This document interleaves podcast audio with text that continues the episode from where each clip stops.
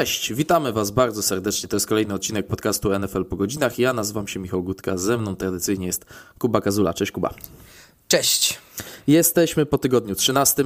Jesteśmy w Mikołajki. Był prezent, był Mikołaj u Ciebie, Kuba, coś pod poduszką się tak, znalazłeś? No, jakiś, tak, jakiś tam y, słodyczowy prezent się znalazł, jak zawsze, zawsze w Mikołajki.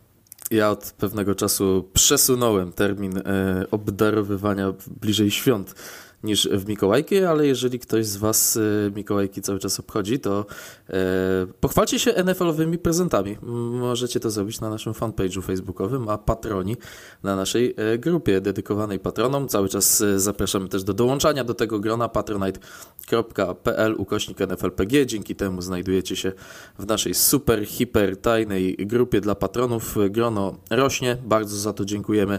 Aktywność też jest duża, no i podejrzewam, że jeszcze przed końcem sezonu spokojnie sobie naszych patronów będziemy w grupie aktywować do wszelakiego QA. Dzisiaj jednak bez udziału naszych patronów porozmawiamy sobie o tym, e, co działo się w meczu na szczycie NFC, gdzie 49ers mierzyli się z Philadelphia Eagles i zostaniemy w tej konferencji, gdzie grunt pod nogami tracą Seattle Seahawks, za to coraz mocniej stoją akcje Green Bay Packers, a potem przeniesiemy naszą uwagę na AFC, gdzie sobie porozmawiamy o Colts, którzy nie oglądają się za siebie i także o Steelers, którzy już za siebie oglądać się muszą. Dzieje się bardzo ciekawie. Mm, też przecież Jake Browning okazuje się wielkim bohaterem tej kolejki. Ja mam wrażenie, że taka kolejka, w której i mieliśmy naprawdę takie gnioty futbolowe, mecze, które strasznie się oglądało i jednocześnie mecze, w których było wszystko i które będą mocno wpływały na dalszą część sezonu. Myślę, Kuba, że trzeba zacząć e, jednak od tego hitu czy może inaczej, od meczu na szczycie NFC, tak powiedziałem wcześniej celowo, bo hitem się ten mecz nie okazał. 49ers zmiażdżyli bowiem Eagles, wygrywając w Filadelfii 42 do 19 i wciągając Eagles y, troszkę w dół, y, a siebie podciągając do walki o ten pierwszy seed, o rozstawienie z numerem 1 w NFC. W pierwszej kwarcie 49ers tylko 6 zagrywek, a potem 6 z rzędu drive'ów zakończonych przyłożeniami. Czy to jest najbardziej imponujące zwycięstwo tego sezonu jakiejkolwiek jednej drużyny z, jakiejkolwiek, z jakąkolwiek inną? Może tak być, bo tych meczów na szczycie e, wiele nie było, a jednocześnie chyba, jeśli jak już były, to nie były tak jednostronne swoją drogą. Jeśli już to chyba w 49ers nad Cowboys było bardzo podobne mhm. E, w, w, parę tygodni temu, ale wtedy jeszcze Cowboys nie grali tak dobrze, więc... E, no niektórzy jeszcze wymieniliby tutaj pewnie zwycięstwo Eagles w Kansas City. Tak, tak, aczkolwiek no patrząc na problemy Chiefs, to yy, nie dziwi to już teraz aż tak bardzo, patrząc na ich porażki chociażby z Broncos czy z Packers, yy, więc yy, myślę, że Niners z Eagles, mówiliśmy o Eagles, że ta drużyna przepycha te mecze i po prostu są dobrą drużyną, która na razie nie jest jeszcze w pełni swoich sił, no i trafi, trafiając, trafiając na 49ers trochę, e, trochę się o tym przekonali, co w sumie e, dla Niners oczywiście jest dobre z wiadomych przyczyn, a dla Eagles może być dobre tak długofalowo, że dostali, dostali w końcu odpowiedź nad czym mają pracować i że nie każdy mecz przepchnął kolanem E, do końca. No właśnie, bo to jest piąty z rzędu mecz Eagles, gdzie rywal zdobywa co najmniej o 95 yardów więcej od drużyny Nika Sirianiego, ale też pierwszy taki mecz przegrany. W naszym podsumowaniu to była jedna trzecia dopiero sezonu, a jesteśmy już po dwóch trzecich. Też mieliśmy pewne obawy o to, czy Eagles mm, nie zacierają bilansem kiepskiego wrażenia, które e, zostawiają po tych meczach. I tak e, znowu można nieco mm, prowokacyjnie, ale e, zadać takie pytanie patrząc na formę ostatnich miesięcy, ostatnich tygodni, patrząc na e, wysoką porażkę z potencjalnie no, rywalem w finale NFC, dużo osób jest sobie w stanie na pewno wyobrazić rewanż e, i myślę, że to była tylko pierwsza runda, te, takie odnoszę wrażenie e, starć pomiędzy tymi zespołami w tym sezonie. No i pytanie brzmi, czy Eagles troszkę nie byli taką wydmuszką ze zbyt schlebiającym bilansem, czy raczej byś nie szedł tak daleko i powiedział, nie no, tutaj po prostu trafili pod czerwono-złoty walec. Nie, aż, że w, aż wydmuszką to nie, dalej są jedną z najlepszych drużyn w, w NFC. Jednak trafili tak w, w tym meczu, że Niners się po nich przejechali. Wcale nie mam jakiegoś mocnego przekonania, że jak się spotkają w playoffach na przykład, to też Niners łatwo wygrają. E, mhm. Więc e, na pewno dla Eagles to jest taka taka szansa po prostu na to, żeby mm, żeby się odbić od tego gdzieś dalej, bo gdyby na przykład przepychali te zwycięstwa e, i nie mieli żadnej takiej większej porażki, to mo można by stwierdzić, że, że w ten sposób dojadą do Super Bowl, a raczej, raczej nie dojadą. Od początku mówimy, że ten bilans jest dobry, ale ta gra musi być trochę lepsza, jak przyjdą playoffy, no i to jest, to jest po prostu kolejny przykład tego. Brock Purdy, kolejny bardzo dobry występ tego zawodnika. 19 celnych podań z 27 prób, 314 yardów, 4 przyłożenia, ani jednego przechwytu. E, ten QB rating na poziomie 148,8. Piąty raz w tym sezonie Brock Purdy ma e, rating powyżej 134 i ósmy raz w tym sezonie zalicza mecz bez straty. Dwa najlepsze mecze Brock Purdy zagrał w tym sezonie przeciwko Eagles i przeciwko Cowboys. Wiem, że były po drodze takie spotkania, chociażby z Vikings, gdzie trochę został ugotowany przez presję i obnażony, mm, obnażone były pewne braki Brocka Purdy'ego, ale skoro taki facet w drużynie, w której zawsze powtarzamy, że jest obudowany doskonale, najlepsze mecze rozgrywa przeciwko dwóm najlepszym innym zespołom w konferencji, to czy Brock Purdy jest rozgrywającym, którego już możemy uznawać za tą czołówkę NFL, bo wiem, że tutaj zdania są mocno podzielone. Wiem, że ty nie jesteś chyba takim wielkim zwolennikiem tezy, że to jest gracz no, z dziesiątki najlepszych rozgrywających w NFL. Nie mówmy o piątce. Z dziesiątki to z dziesiątki jak najbardziej mogę się zgodzić. Ja się nie zgadzam, co najwyżej z tym już powinien być MVP.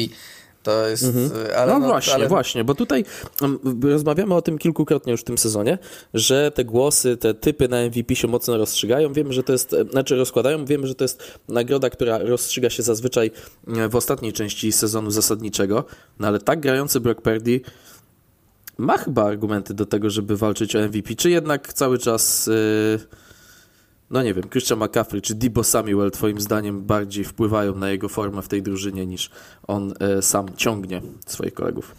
Ja się nie powinienem wypowiadać na temat Perdiego, bo okazuje się, że jak nie, jak, jak nie, jak nie uważasz, że, że powinien być MVP, to znaczy, że na pewno go nie lubisz.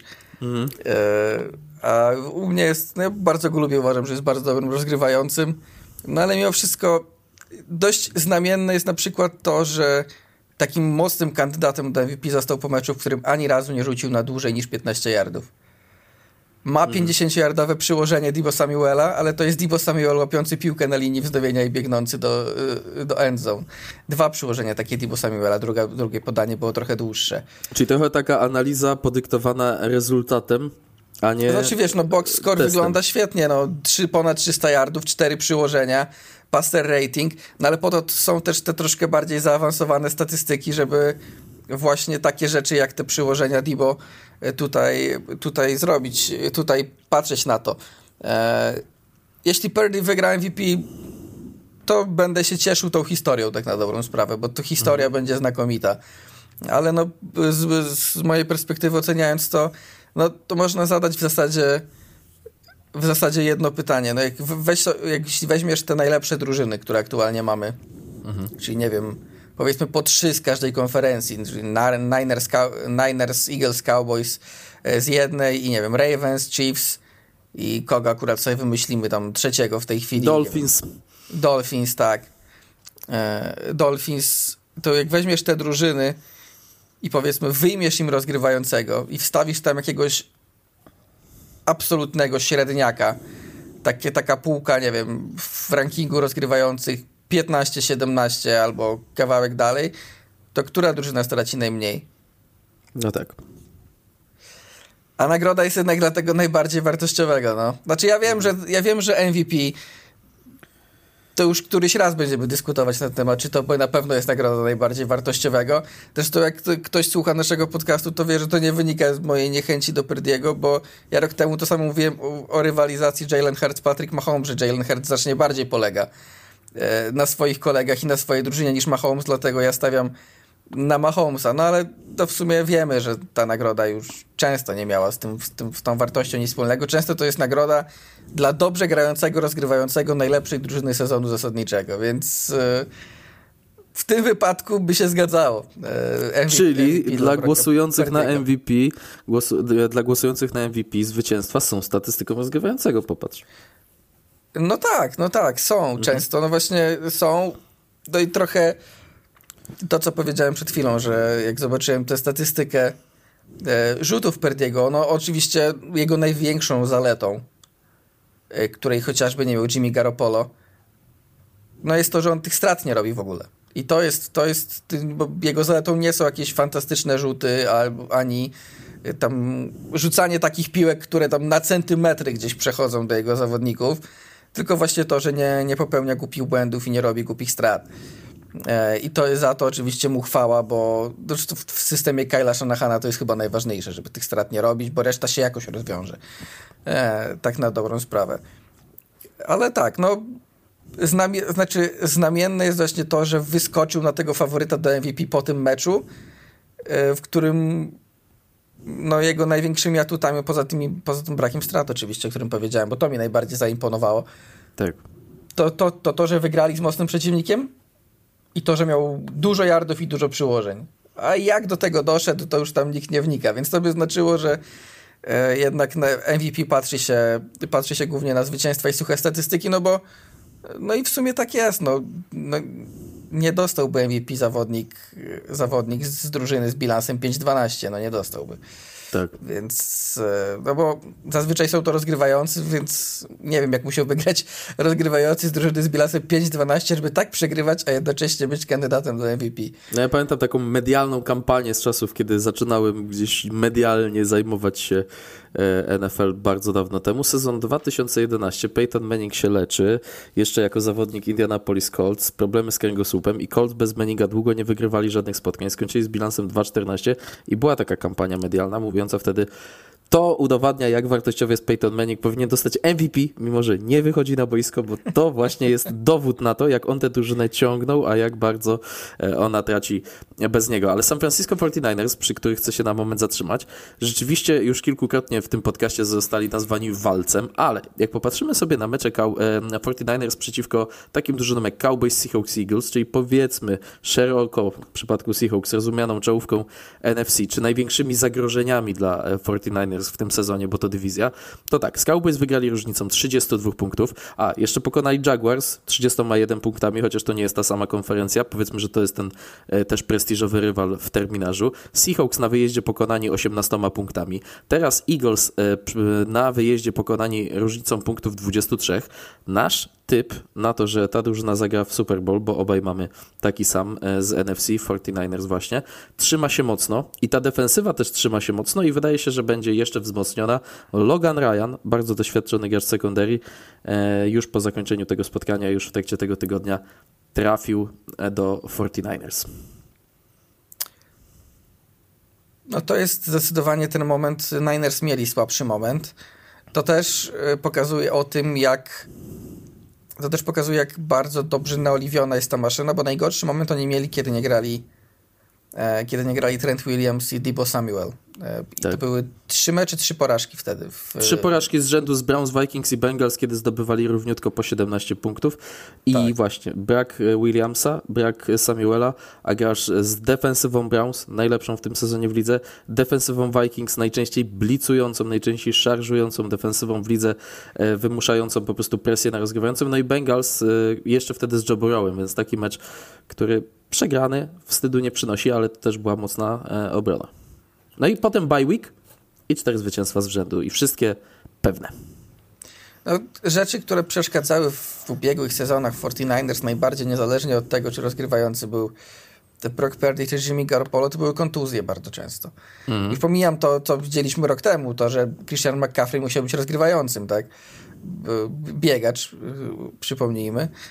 Tak. Ale no były też takie sezony, gdzie wokół tego rozgrywającego waliło się bardzo dużo pod względem zdrowotnym, więc ciekaw jestem zdrowych Niners. Zdrowi Niners będą faworytami moim zdaniem tej konferencji. No już po, szczególnie, że z dwoma pozostałymi faworytami tej konferencji, czyli z Eagles i z Cowboys, wygrali bardzo wyraźnie. No i ten jeszcze ta pomoc w postaci Logana Ryana to jest coś, co może coś, co przejdzie niezauważone, ale jest szansa, że zauważysz to w playoffach na przykład. Kiedy Logan Ryan swoim doświadczeniem zrobi jakąś jedną dobrą zagrywkę, która, która przepchnie Niners mecz albo coś takiego, bo to taki, takie podpisy właśnie często w taki sposób nam się, nam się objawiają. wydaje się, że faktycznie pod, no, trudno, trudno upatrywać w kim innym faworyta. Mówiliśmy o tym wielokrotnie, że e, no nie mamy takich wyraźnych faworytów w tym roku i że każda z tych drużyn ma swoje znaki zapytania. No te znaki zapytania w 49 pojawiły się właśnie w tej strze serii trzech przegranych meczów, e, która spadła trochę, e, trochę niespodziewanie i pokazała, że może właśnie ten system Kyla Shanahana jest taki, że on działa perfekcyjnie, jak wszystko jest perfekcyjnie. Że mhm. gdzieś tam się trochę tego piasku w tryby rzuci i tam ten jeden trybik czy dwa wypadną, no to już mogą być problemy, niezależnie od tego, z kim się gra. Więc kwestia jest tego, w jakim zdrowiu Niners do tych, e, do tych playoffów, do tych playoffów dojadą. No bo różnie, różnie może być, szczególnie, że niektórzy z ich zawodników, jak, jak Trent Williams właśnie, czyli lewy tackle, mhm. e, jak e, George Kittle czy Debo Samuel mają już parę kontuzji na swoich koncie i niewykluczone, że, że gdzieś tam jakiś problem się pojawi.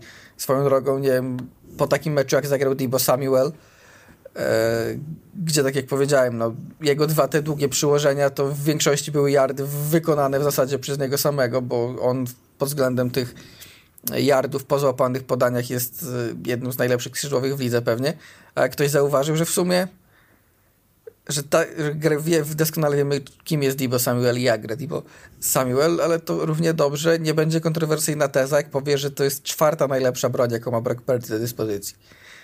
Bo, je, bo, bo, jest Christian McCaffrey oczywiście, jest George Kittle i jest Brandon Ayuk, który w tym sezonie wystrzelił jeszcze bardziej niż, y, niż w poprzednich. Y, skrzydłowy również.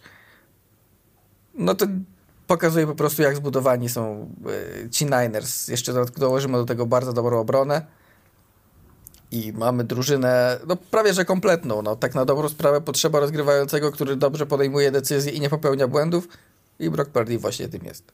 To jeszcze kończąc wątek tego meczu, powiedziałem, że Logan Ryan trafia do San Francisco. Do Filadelfii trafia linebacker Shaq Leonard, w przeszłości nawet All-Pro, wybierany do tej drużyny sezonu, a niedawno zwolniony przez Indianapolis Colts. Jak oceniasz ten ruch?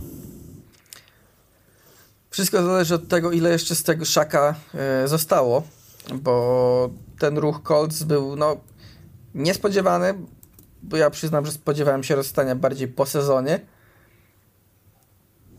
ale jednak troszkę usprawiedliwiony, ponieważ Leonard miał bardzo duży kontrakt podpisany właśnie wtedy, kiedy był All Pro, więc jak najbardziej zasłużony był wtedy ten kontrakt. Mhm.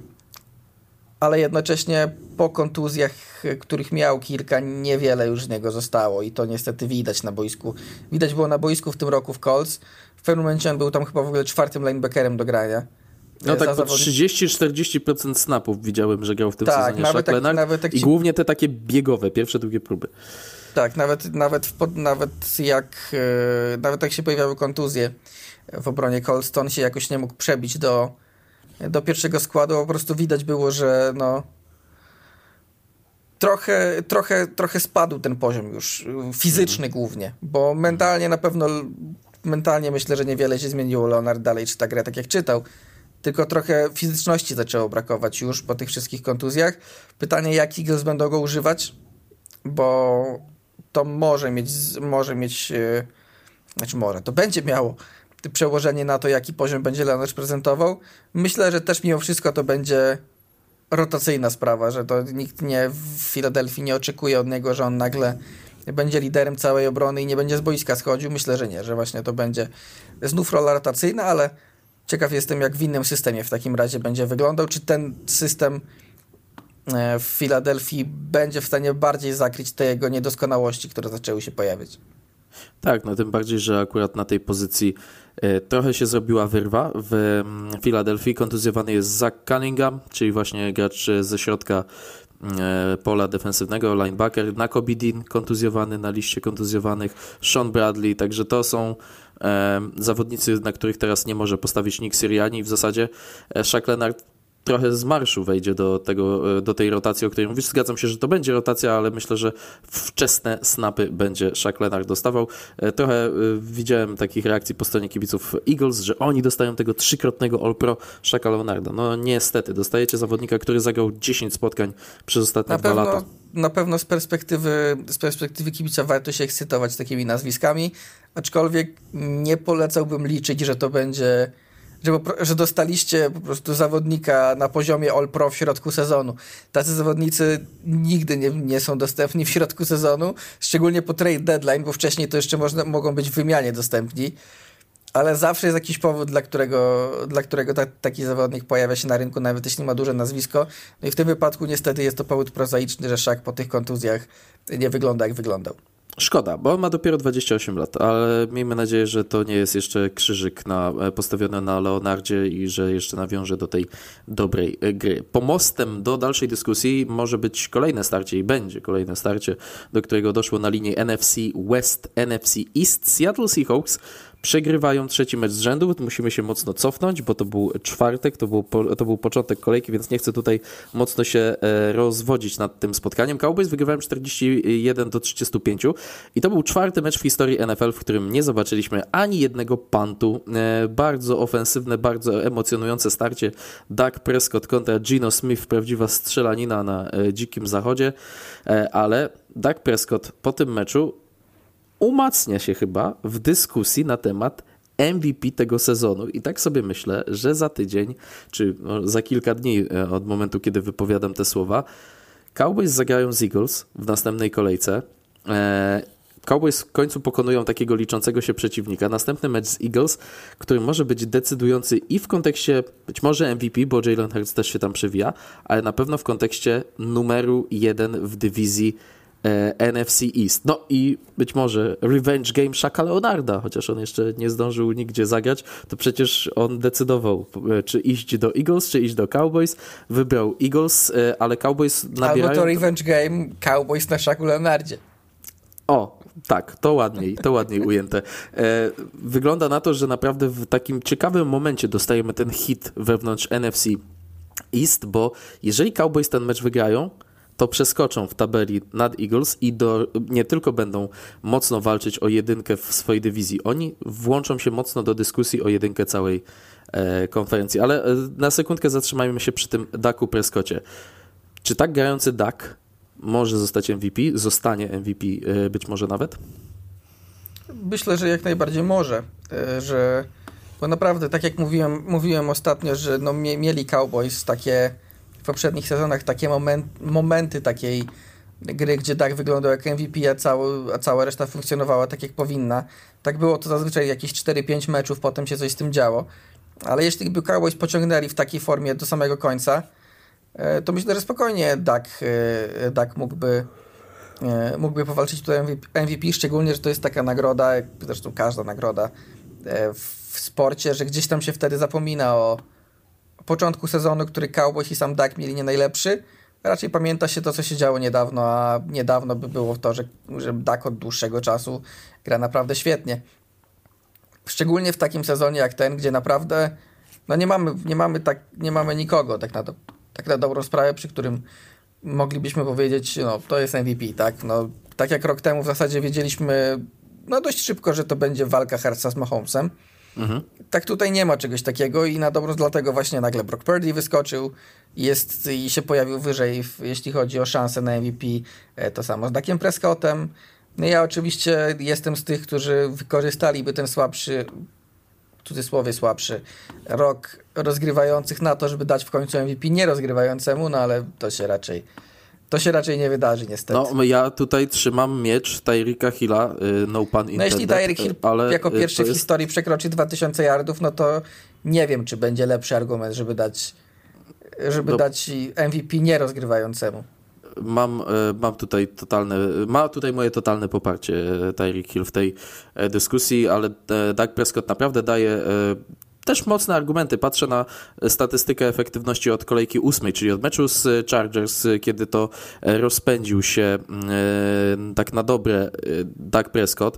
W tym okresie, e, jeżeli sobie jeżeli sobie popatrzymy na statystyki, to naprawdę no, tylko jeden, tylko dwa przechwyty, to jest od kolejki ósmej, tylko dwa e, przechwyty Daka Prescotta. Patrząc na efektywność numer jeden e, w lidze, e, ten, ta statystyka success rate, czyli też jak rozgrywający odpowiada na boiskowe sytuacje, tylko o jeden punkt procentowy gorsza niż w przypadku Broka Pardiego, ale myślę, że pytanie w stylu, kto jest lepszym rozgrywającym, Dak Prescott czy Brock Purdy, byłoby pytaniem czysto prowokacyjnym, bo Prescott kolejny rok z rzędu, moim zdaniem, udowadnia swoją bardzo dużą klasę i e, taką też umiejętność właśnie wpływania na drużynę. Wielokrotnie ci, którzy zajmują się e, oglądaniem taśm e, rozgrywających analizą e, gry w futbol amerykański, podkreślają, że Doug Prescott to jest człowiek, który idealnie po prostu analizuje to, co dzieje się jeszcze przed rozpoczęciem akcji, który zarządza meczem z pozycji rozgrywającego z, e, właśnie z tego,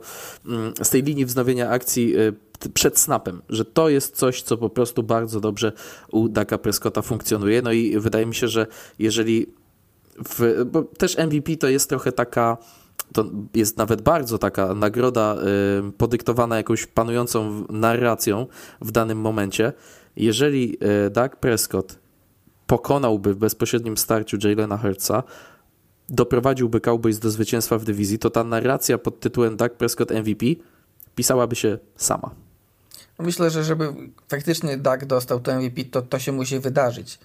Mhm. E, że on potrzebuje takiego, takiego, takiego zwycięstwa nad Eagles. Najlepiej właśnie, żeby Cowboys wygrali dywizję, no bo jednak, tak jak mówiliśmy, no możemy mówić sobie że, i przetłumaczyć tę nagrodę cały czas. Przypomnijmy, most valuable player, czyli najbardziej wartościowy zawodnik. Tak ale no doskonale wiemy, że różnie z tym bywa, no i nie, na te, nie zawsze na tę wartość się patrzy.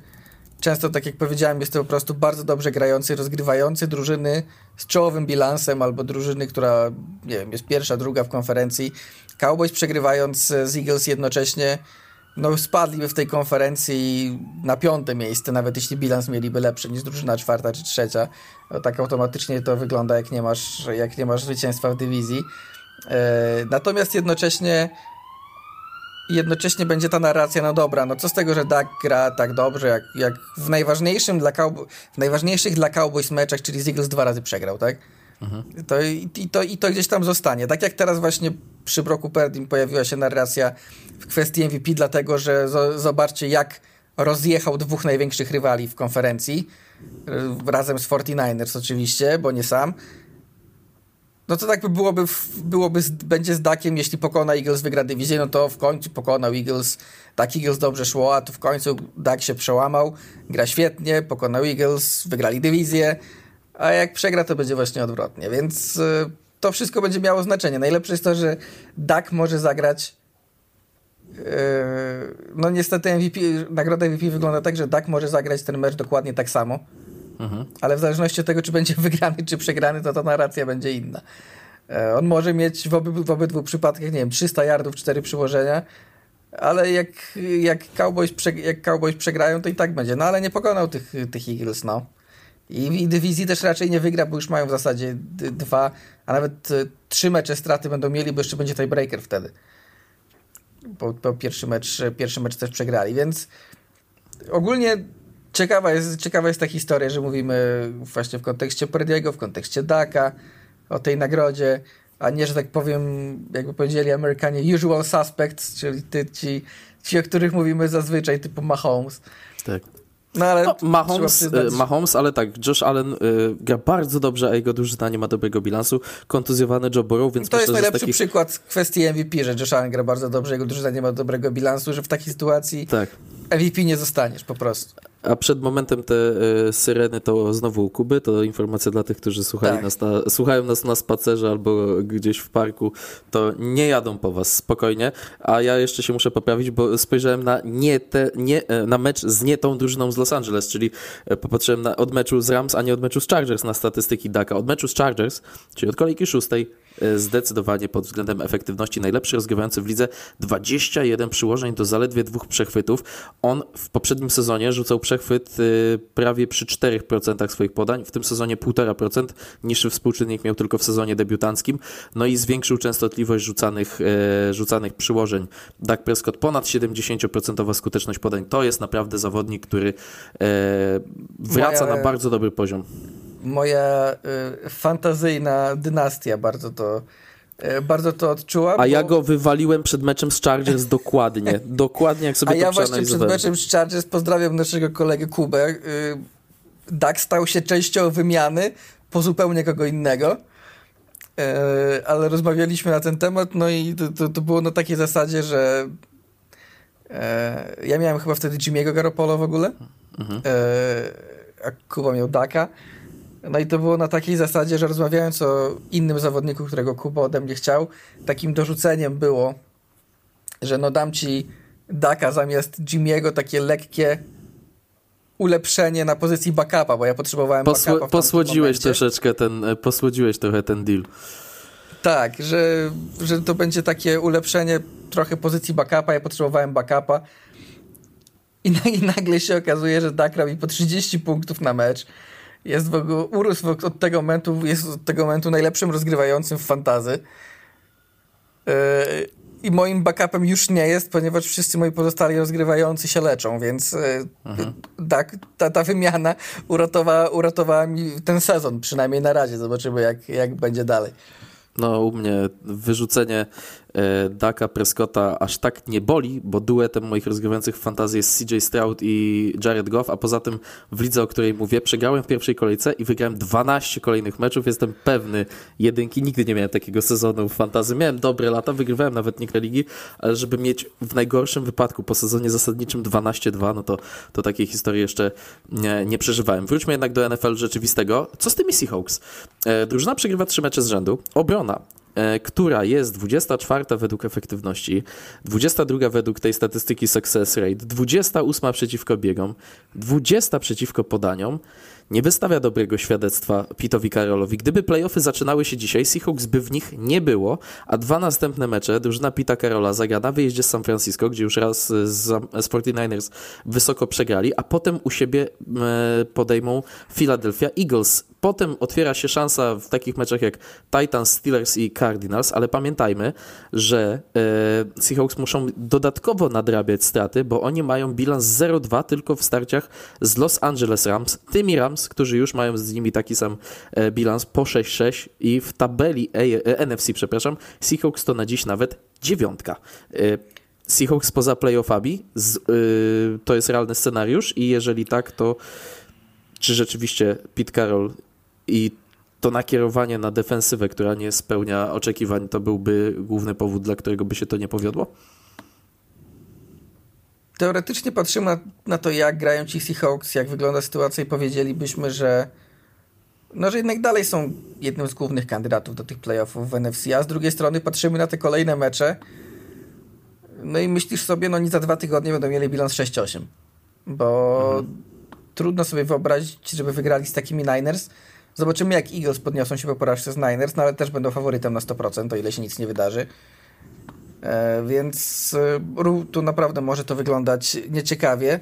W ogóle warto zwrócić uwagę na fenomenalną sytuację, jaka jest aktualnie e, w NFC, bo mamy pewnych, pewnych playoffów Eagles, Niners, Cowboys i Lions. Wszystkie te drużyny mają bilans 9-3 albo lepszy.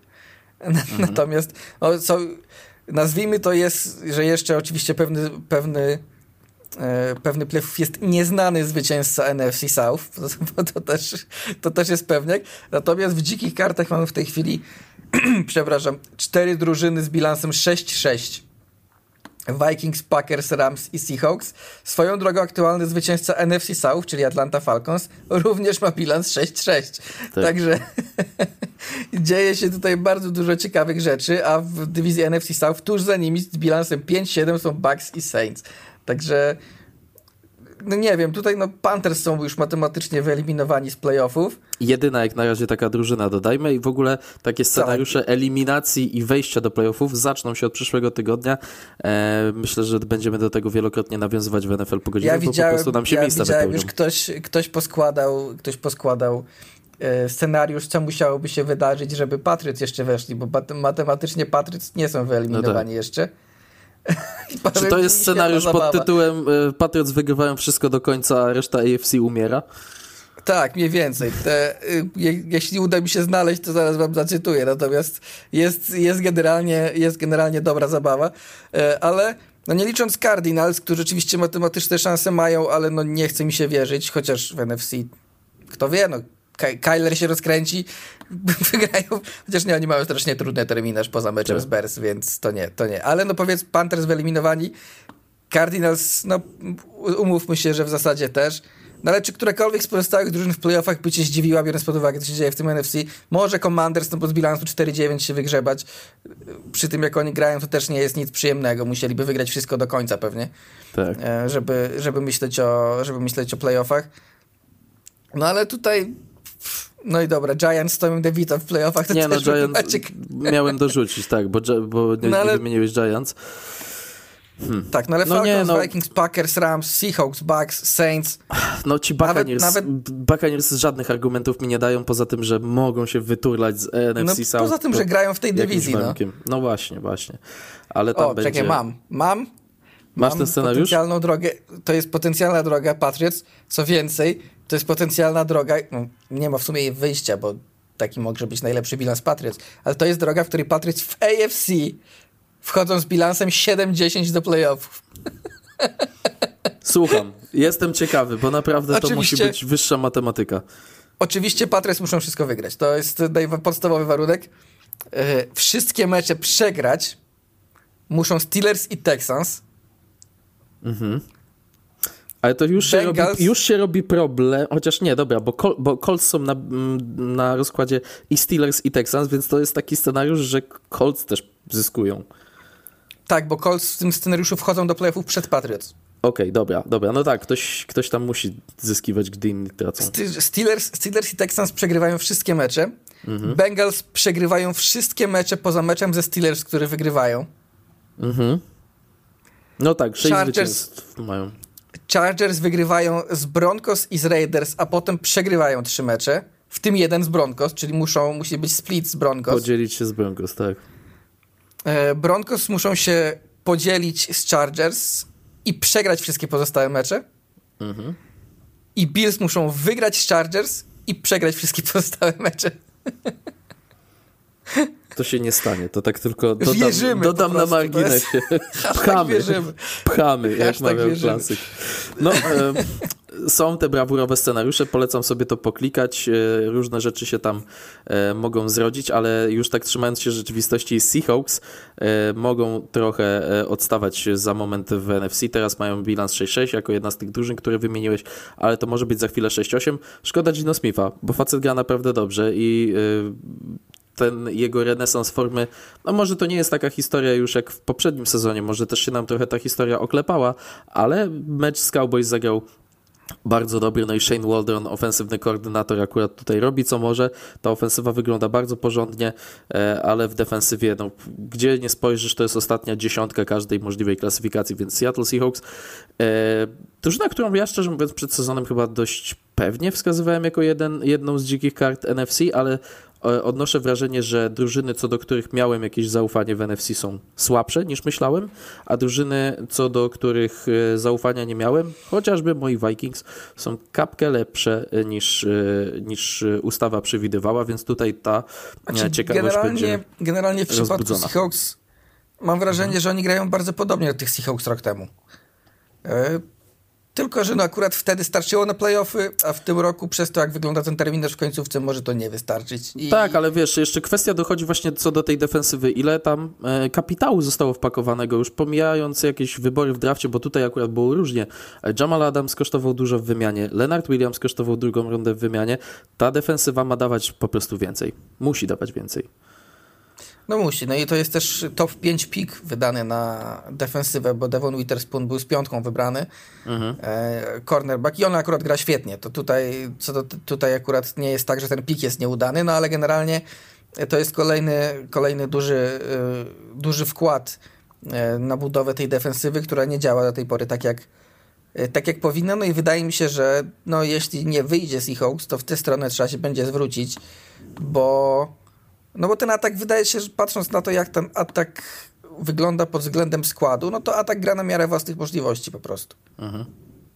No, y, będzie ciekawie w NFC, a te emocje gwarantują też tacy y, zawodnicy jak zespół Green Bay Packers, bo Green Bay Packers, do których przechodzimy w tym momencie, są, gdyby playoffy rozpoczynały się w tym momencie, siódemką całej konferencji. Po tym, jak pokonali Chiefs 27 do 19, wydaje się, że Green Bay Packers trzeba traktować bardzo, bardzo poważnie, co już, o czym już trochę wspominaliśmy po tym, jak pokonali Lions w meczu o święto dziękczynienia, e, w święto dziękczynienia, ale w meczu z Chiefs e, Sędziowska farsa na sam koniec to jest temat, y, który trochę przykrywa. Y, widzę dyskusję medialną.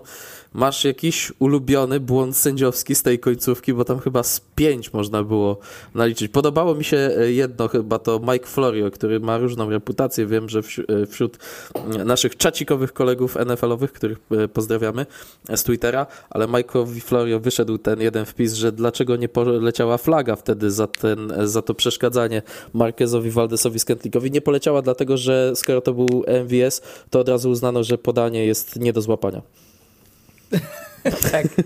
E, aczkolwiek no to jest, to jest moja, moja ulubiona moja ulubiona, nie, albo nieulubiona decyzja z tego meczu, bo... Tak, plecak no trekkingowy bardzo, miał na plecach e, Marcus Valdez bardzo, w bardzo wyraźne, bardzo wyraźne, wyraźne DPI.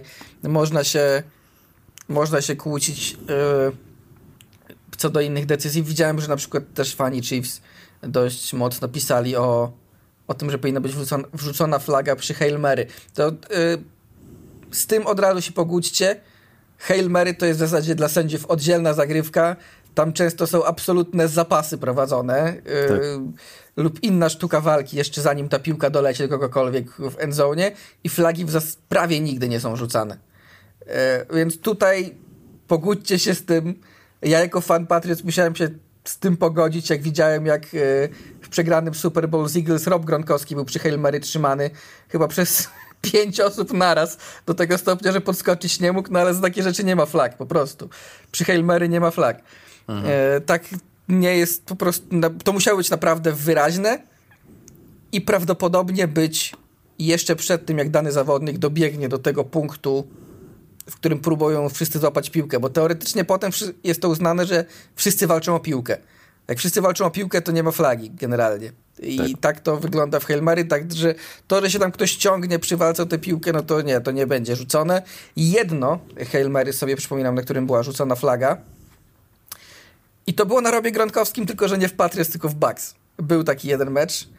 E, z tym, że to tam się stało właśnie to, co mówię, że tam było wyraźne ciągnięcie jeden na jeden Roba Gronkowskiego, który biegnie w stronę endzone'u.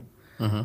A nie już jest w tym endzone, czyli w, tam, gdzie wszyscy czekali na piłkę, więc to może mieć tutaj, tutaj, tutaj związek. Niemniej nie spodziewajcie się na tej zagrywce e, flag ich nigdy nie ma, tam naprawdę się dzieją bardzo, bardzo różne i brutalne rzeczy i mimo to w zasadzie nigdy, nigdy się to nie dzieje. Co do innych, tak jak najbardziej, no to DPI na, na MVS-ie to, to, to chyba najbardziej najbardziej widoczny błąd sędziów, mimo tego, że kilka ich było. Tak. E, no ale tak czy inaczej, e, Green Bay Packers odnoszą bardzo ważne zwycięstwo, trzecie z rzędu. Coraz lepiej gra atak. Obrona, e, która oddała punkty w pierwszych czterech posiadaniach Kansas City Chiefs, później się skonsolidowała. Ważne saki przy trzecich próbach, przechwyt Kishona Nixona. To jest coś, co też powinno cieszyć kibiców Packers, bo ta obrona już dobrze wyglądała na tle Lions w święto dziękczynienia ale Jordan Love naprawdę pokazuje e, to, o czym rozmawialiśmy tydzień temu przy okazji QA, e, że staje się rozgrywającym z prawdziwego zdarzenia i też widzę u niego bardzo dużo takiego, takiej dakowatości, czyli tego analizowania jeszcze przed rozpoczęciem akcji, co jest grane, jak na to zareagować, ale od tygodnia szóstego, e, znowu ten taki wycinkowy fragment sobie bierzemy, Jordan Love jest szóstym rozgrywającym w lidze według efektywności w przeliczeniu na każde zagranie przeciwko Kansas City Chiefs, 25 celnych podań z 36 rzutów rzuconych, 267 yardów, przyłożeń 3, przechwytów 0. Czwarty mecz w tym sezonie Jordana Lowa z taką linijką, czyli co najmniej 3 przyłożenia przy ani jednym przechwycie. Więcej meczów w NFL e, takich e, na rozegraniu ma w tym sezonie tylko Brock Purdy. Wydaje się, że Matt LaFleur też wrzuca swój kapelusz, swoją rękawicę do dyskusji o um, trenerze roku. Czy jednak niekoniecznie? Czy jesteś zdania, że do Jordan Love, który tyle się uczył, tyle czekał na swoją szansę, trochę musi tak wyglądać? myślę, że Matt LaFleur, to znaczy zależy gdzie oczywiście Packers skończą, ale wydaje mi się, że e, w tej kwestii LaFleur będzie mimo wszystko gdzieś tam z tyłu, mhm. e, bo jednak to też, jest, to też będzie narracja, to też będzie narracja tych Packers. Przecież już wiemy, że LaFleur jest, jest dobrym trenerem, skoro miał trzy sezony z rzędu z 13 zwycięstwami, tak? Nigdy nie przegrał meczu grudniowego w NFL. 16-0 w grudniu i dlatego ja już ty się śmiejesz, że mam e, syndrom pourazowy na temat Packers. Jak widzę, że mecz Packers-Vikings jest w tym, że grudniu, w kolejce drugiej od końca, to ja już się boję, że, że Packers po prostu przeskoczą tych moich Vikings. No jest na to szansa, bo naprawdę ci Packers grają grają dobrze. To nie jest drużyna elitarna jeszcze, ale to po prostu oni grają dobrze. Mieli dużo problemów w pierwszej części sezonu z tym, żeby ten młody skład się dotarł, żeby wszyscy zaczęli iść w tę samą stronę, yy, bo tam po prostu było dużo błędów młodych zawodników. Mhm. Tak jak mówiłem tydzień temu, że to była drużyna, która powiedzmy Jordan Love zrobił wszystko dobrze, to jego młodzi skrzydłowi coś zawalili, albo młodzi tajtędzi. Jak skrzydłowi tajtędzi coś wszystko zrobili tak jak potrzeba, to Jordanowi Love'owi się zdarzało yy, jakiś, jakiś błąd w rzucie, czy błąd w decyzji i tak to się kręciło, bo byli po prostu nieregularni ci Packers. E, teraz stają się regularniejsi to widać po dwóch ostatnich meczach. E, oba mecze, oba mecze były wygrane tak na żyletki właśnie, gdyby nie parę rzeczy, jak na przykład decyzje sędziów, to różnie z tym by mogło być, no to są jednak to są jednak mecze z kontenderami w postaci Lions i Chiefs, więc to nie jest tak, że oni sobie przepchnęli kolanem nie wiem, mecz z Commanders i zadowoleni mówią, że teraz to idziemy po, po duże rzeczy. No nie, bo oni wygrali naprawdę z mocnymi, z mocnymi drużynami. I jak najbardziej, jeśli miałbym powiedzieć, yy, kto z tych drużyn walczących o, o playoffy wygląda najlepiej w tej chwili, to postawiłbym może. No postawiłbym Rams pewnie na równi z Packers w tej chwili po ostatnich tygodniach, mhm. a pozostali ciut niżej ekipę z NFC South to w ogóle tak ręką na bok odrzucam, bo Ktoś, po prostu to jest, to jest sytuacja, w której ktoś musi być w playoffach i... Ktoś, ktoś, musi, ktoś musi wygrać. Gdyby nie to, że grają wszyscy między sobą po dwa razy, to te bilanse byłyby jeszcze słabsze, e, tak. bo grają między sobą, no bo jak grają, to ktoś musi wygrać, chociaż jakby się okazało, że na koniec w jakimś ważnym meczu w starciu o dywizję y, zaliczą remis, to też by było bardzo y, trafne, patrząc na to, jak przebiega drugi już, czy trzeci, drugi, bo wcześniej jeszcze byli Bucks z Tomem Bradym, którzy, którzy doszli wysoko w playoffach, ale no to, to jest już drugi sezon z rzędu, gdzie NFC South sprowadza się do tego, kto najbardziej chce, kto najmniej chce tę dywizję przegrać. Tak, no gdyby też przeanalizować te drużyny z bilansami 6-6 e, w NFC e, pod kątem tego, z kim jako rozstawiona drużyna e, w zwycięzca dywizji naj, najbardziej nie chciałbyś zagrać, to chyba też z Packers, bo wyobrażam sobie, że Packers przy bardzo dużym niedoświadczeniu, tutaj też jakby ukłon w stronę Mata Laflera z mojej strony wynika dlatego, że już o tym wspominałem, w żadnym innym zespole w ofensywie nie gra tyle pierwszo- i drugoroczniaków, co w Green Bay Packers. To jest naprawdę drużyna trochę wyprzedzająca taki swój plan, to miał być sezon przejściowy, ale oni nikogo się w y, playoffach nie przestraszą.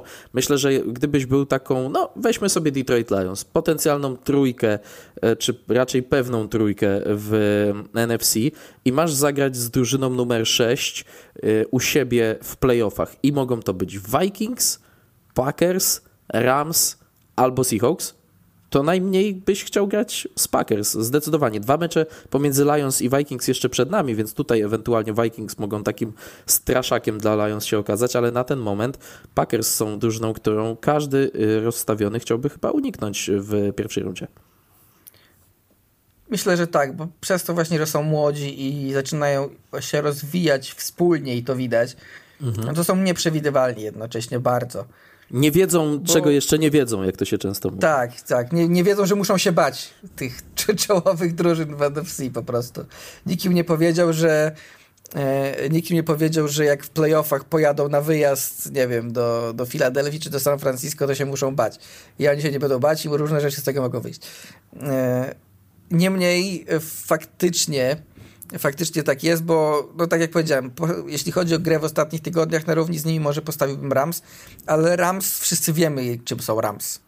To jest Matthew Stafford, to są te kilka dużych nazwisk wsparte paroma młodymi z tego roku Plus oczywiście Sean McVay, czyli to nie jest oczywiście nic łatwego do przebrnięcia, ale jak trafisz na tych Rams, to raczej wiesz, czego się spodziewać. Po Packers nie wiesz, czego się spodziewać. Nie wiesz, co tam się wydarzy, nie wiesz, co ci młodzi zawodnicy jeszcze potrafią i co będą potrafili do momentu twojego meczu w playoffach. E, rozwija się obrona w końcu, jakieś... Yy, potrzebuję rehabilitacji yy, mojego take'u sprzed półtora roku, że to będzie czołowa obrona ligi. I od tamtej pory się to nie ziściło. Słuchaj, w zeszłym roku sprawie... pamiętam, półtora roku temu typowaliśmy, że topowe obrony to będą Packers i Browns. Jedna siadła w końcu z opóźnieniem, druga zaczyna siadać. Ale na swoje usprawiedliwienie powiem, że yy, defensywny koordynator Joe Barry przez fanów Packers jest traktowany jak jeszcze do niedawna matka nada przez fanów Steelers, także to, to, to ta, ta, ta, ta, osoba Joe Barego ma tu trochę za uszami w kwestii tego, dlaczego nie jest, ten atak czy to nie, nie było tak, że, potencjału. że Matt Canada został zwolniony po starciu z defensywą Barego? To nie było właśnie tuż po spotkaniu z Packers? Tak mi się teraz y, wydaje. Chyba tak. Tak chyba było tak. chyba. E, no ale rzeczywiście Packers, e, ten młodzieńczy entuzjazm e, prowadzi do, do wielkich rzeczy być może w tym sezonie i już w zeszłym tygodniu zwracaliśmy uwagę na terminarz Packers. Ja tak trochę mówiłem, że, że porażkę z Chiefs to trzeba trochę wkalkulować, że tutaj będzie 5-7 bilans, a jest bilans 6-6, jest pokonana mocna bardzo drużyna i teraz w trzech najbliższych meczach Packers muszą kontynuować zwycięską serię. Wyjazd do Giants, później mecz u siebie z Buccaneers, potem wyjazd do Carolina Panthers, potencjalnie bilans 9-6 przed wyjazdem do Minnesoty, to będzie sytuacja, w której e, no nie chcę tutaj e, zabrzmieć jak kibic Vikings taki true and true, ale to przy 9-6 w momencie spotkania w Minnesocie masz nawet jako Packers margines błędu, żeby jeszcze w ostatniej kolejce przeciwko Bears wygrać i zaklepać sobie playoffy. Jak patrzysz na ten zestaw spotkań do samego końca, to tylko w kółeczko bierzesz wyjazd do Vikings, bo pozostałe mecze to jest obowiązek, żeby przepchnąć, żeby y, nawet byle jak, ale po prostu osiągnąć y, cztery zwycięstwa w czterech pozostałych spotkaniach, a wtedy jestem zdania, że no, cztery zwycięstwa w pozostałych spotkaniach to już jest 10 w sumie w sezonie zasadniczym, wtedy mecz z Vikings może mieć tylko znaczenie w kontekście, kto będzie wyżej w playoffach. No oczywiście możesz Vikings wyeliminować z playoffów w ogóle jako Packers, to też jest jakiś taki punkt honoru, bo mm, wiem, że Bears, y, Packers to jest taka historyczna rywalizacja w NFC North, ale od jakichś 30 lat liczy się rywalizacja Vikings kontra Packers w tej dywizji, a Bears y, i Lions mają tylko, no Bears pojedyncze wystrzały, Lions dopiero teraz wychodzą y, z jaskini, e, ale przy tym, przy okazji tego meczu chcę porozmawiać o Chiefs oczywiście oczywiście, bo Chiefs przegrywają po raz czwarty w tym sezonie i gdyby playoffy zaczynały się teraz, byliby na czwartym miejscu w konferencji. Mm, to był najsłabszy mecz obrony Chiefs w tym sezonie, patrząc na średnią oddawanych yardów na każdą zagrywkę. To był też mecz, w którym Chiefs zdobyli po raz kolejny w tym sezonie. Popra poprawię cię chyba na trzecim. Ach, bo Jaguars, Jaguars. Jaguars przegrali, tak, zapomniałem o wielkim występie Jake'a Browninga, o nim będzie jeszcze słówko. Tak czy inaczej, Chiefs Kolejny raz w tym sezonie nie osiągają nawet 20 punktów. Tyle samo razy w obecnych rozgrywkach im się to zdarzyło, co przez całą wcześniejszą erę Patryka Mahomesa. Czy nie mówimy zbyt mało o tym, że Kansas City Chiefs brakuje wcześniejszego ofensywnego koordynatora Erika Bieniemiego? Bo pamiętam, że w jednym z naszych Q&A to pytanie się pojawiło od naszych patronów. Ja je wtedy brutalnie zignorowałem, czy zabrakło nam po prostu czasu na to pytanie. E, ale tutaj zasadne jest zadanie go. To jest e, bardzo, bardzo ciekawa sprawa, ponieważ teoretycznie w takiej drużynie, jaką są Chiefs, e, nie powinno go brakować, ponieważ no, tam jest nadal Andy Reid. To on jest jakby twórcą całym tego ataku. To on jest tym, tym człowiekiem, który wywołuje zagrywki. To nie było tak, że Andy Reid stworzył atak, Eric Bienemi wywoływał zagrywki, a ten, a jego następca, którym jest Matt Nagy swoją drogą, e, mhm. e, nie potrafi tych zagrywek wywoływać. Nie, bo to cały czas jest wszystko Andy Reid. Więc pytanie brzmi, na ile brakuje faktycznie Bienemiego w konstrukcji tego ataku, a na ile jest to właśnie ta przyczyna tego, co się dzieje na boisku, czyli tego jednego z najsłabszych w składów skrzydłowych na przykład. Bo to na pewno ma to na pewno ma swoją moc. E, do tego wszystkiego dochodzi Travis Kelsey, który no, miał trochę problemów zdrowotnych, trochę nie grał i przez to też e, no, automatycznie mam wrażenie, że mam wrażenie, że ogólnie minimalnie gorzej Kelsey gra w tym sezonie, co w jego przypadku dalej oznacza świetnie, ale to nie jest ten Kelsey, który sam z Mahomesem po prostu niszczył każdą obronę. Mhm. A co za tym idzie, no nie bardzo ma ten Mahomes z kim grać. Jego linia ofensywna również miewa problemy. E, więc tak naprawdę jedyną pewną rzeczą w tym ataku jest sam Mahomes.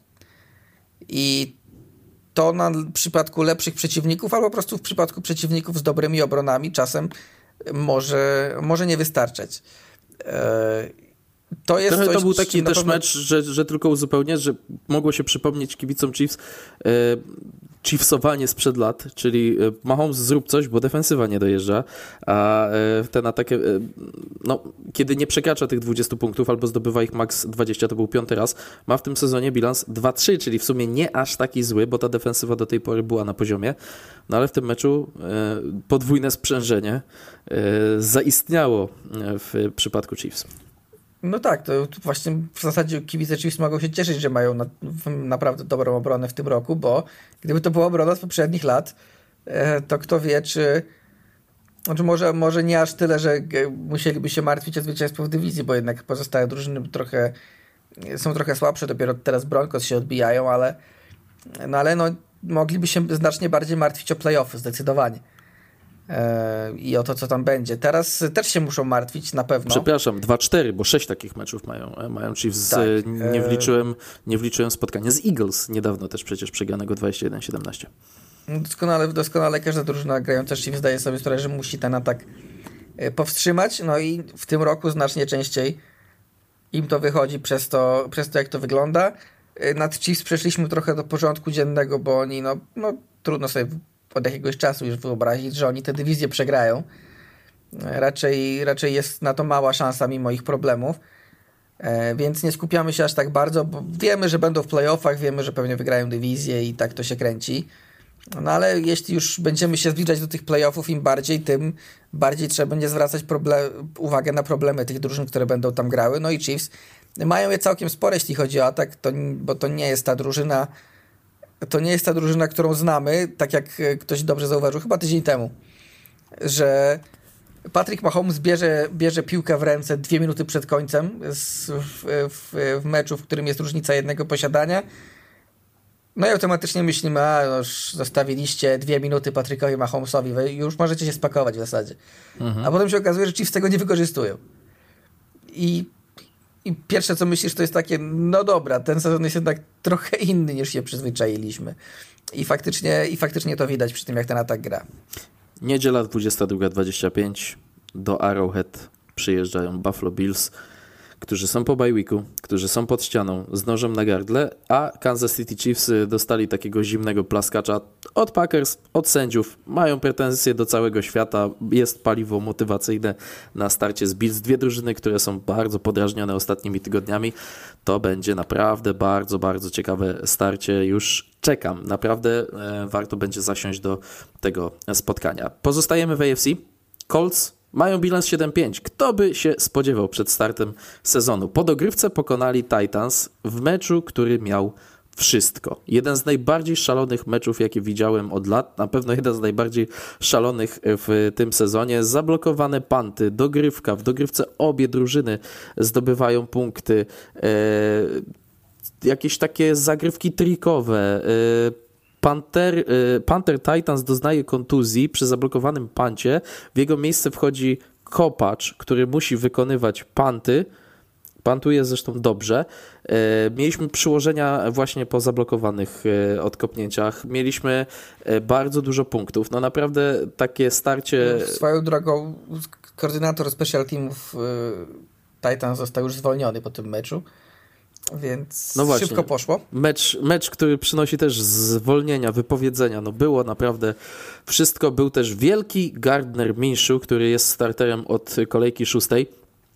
I nie chcę tutaj jakichś laudacji przesadnych wypowiadać na temat tego zawodnika, bo zarówno on, jak i ofensywa w tym okresie e, jest koło 20 miejsca e, w NFL, ale czy to trochę nie jest tak, że Colts mają bilans, no właśnie, kto jak to, ale oni mają bilans nadmuchany, bo to są cztery zwycięstwa z rzędu, ale rywale, których pokonali to Panthers, Patriots w meczu w Niemczech, Buccaneers i Titans, czyli zespoły, które na tym etapie sezonu mają łączny bilans 12 36. Oczywiście Gardner Minshew zagrał jak gwiazda w tym spotkaniu. 26 e, celnych podań przy 42 próbach, 312 yardów, dwa przyłożenia, chociaż gwiazdą tego spotkania był Michael Pittman, e, skrzydłowy, którego mam w drugiej lidze fantazji. Uratował mi mecz, e, mecz w którym stałem pod ścianą. Ale Gardner Minshew to też jest taki rozgrywający, u którego otrzymujesz wszystko w jednym pakiecie, bo mam wrażenie, że on ma trochę taką celność i e, ro, jak rozrzutnik gnoju. Wszędzie daleko, wszędzie byle e, po prostu pozbyć się tego, co akurat jest do wyrzucenia i nie zawsze dobrze, ale czasami efektownie. No, wygląda to przeciekawie, ale cały czas nie mogę się pozbyć wrażenia, że ci Colts to nie walczą o playoffy, tylko, tylko trochę jeszcze udają. Znaczy na pewno jest trochę napompowany ten bilans, patrząc na to, z kim oni grali i jak te mecze wyglądały też czasem, bo ten mecz z Patriots w Niemczech to był absolutna beznadzieja z obu stron. Nie wiem, czy widziałeś tę statystykę a propos Patriots. Y, drużyny, które y, pozwalają rywalom zdobyć maksymalnie 10 punktów w tym sezonie, mają bilans 53-0 poza Patriots. Oni mają bilans 0-3 w takich meczach. Tak, no Patriots są pierwszą drużyną od 1938 roku, która, która trzy mecze z rzędu oddała tylko 10 punktów rywalom, rywalom i, i wszystkie te mecze przegrała. E, ale nie bywały. E, jak, najba, jak najbardziej warto, nagroda draftowa czeka. Miejmy nadzieję przynajmniej. E, jeśli chodzi o Colts, to tak, no nadmuchany jest, nadmuchany jest ten bilans. Pytanie, no tylko, że wchodzimy teraz w taką fazę sezonu, że ci rywale nie będą cały czas tacy, więc po prostu Colts stworzyli sobie sytuację, w której mogą o te playoffy powalczyć, a teraz muszą pokazać, że są ich warci. Jeśli to zrobią, to na pewno nie będziemy mówić, że te playoffy są niezasłużone, bo, e, no bo to jest jeszcze kilka kolejek i naprawdę nie będzie łatwo w tym AFC się przebić do tych playoffów. E, wciąż między piątą, piątymi Steelers a jedenastymi Bengals jest jeden mecz różnicy. Więc tam się cały czas bardzo dużo dzieje. No, szalona jest ta rywalizacja, naprawdę. I nie jest, właśnie nie jest tak, że Colts tymi meczami ze słabymi drużynami sobie odskoczyli i teraz doczłapią się do playoffów. Nie. Tam dalej, dalej oni muszą się, muszą się o to bić. Oczywiście, gdybyś mi powiedział przed sezonem, że Colts wejdą do playoffów, to bym, to bym powiedział, no tak, pewnie Antony Richardson wypalił od razu i, i, jako, I, jakoś i odbudował poszło. się na przykład Jonathan Taylor, a tutaj jednego i drugiego nie ma, więc Shane Steichen naprawdę zasługuje na bardzo duże słowa e, uznania. Po raz kolejny chwalimy tego trenera.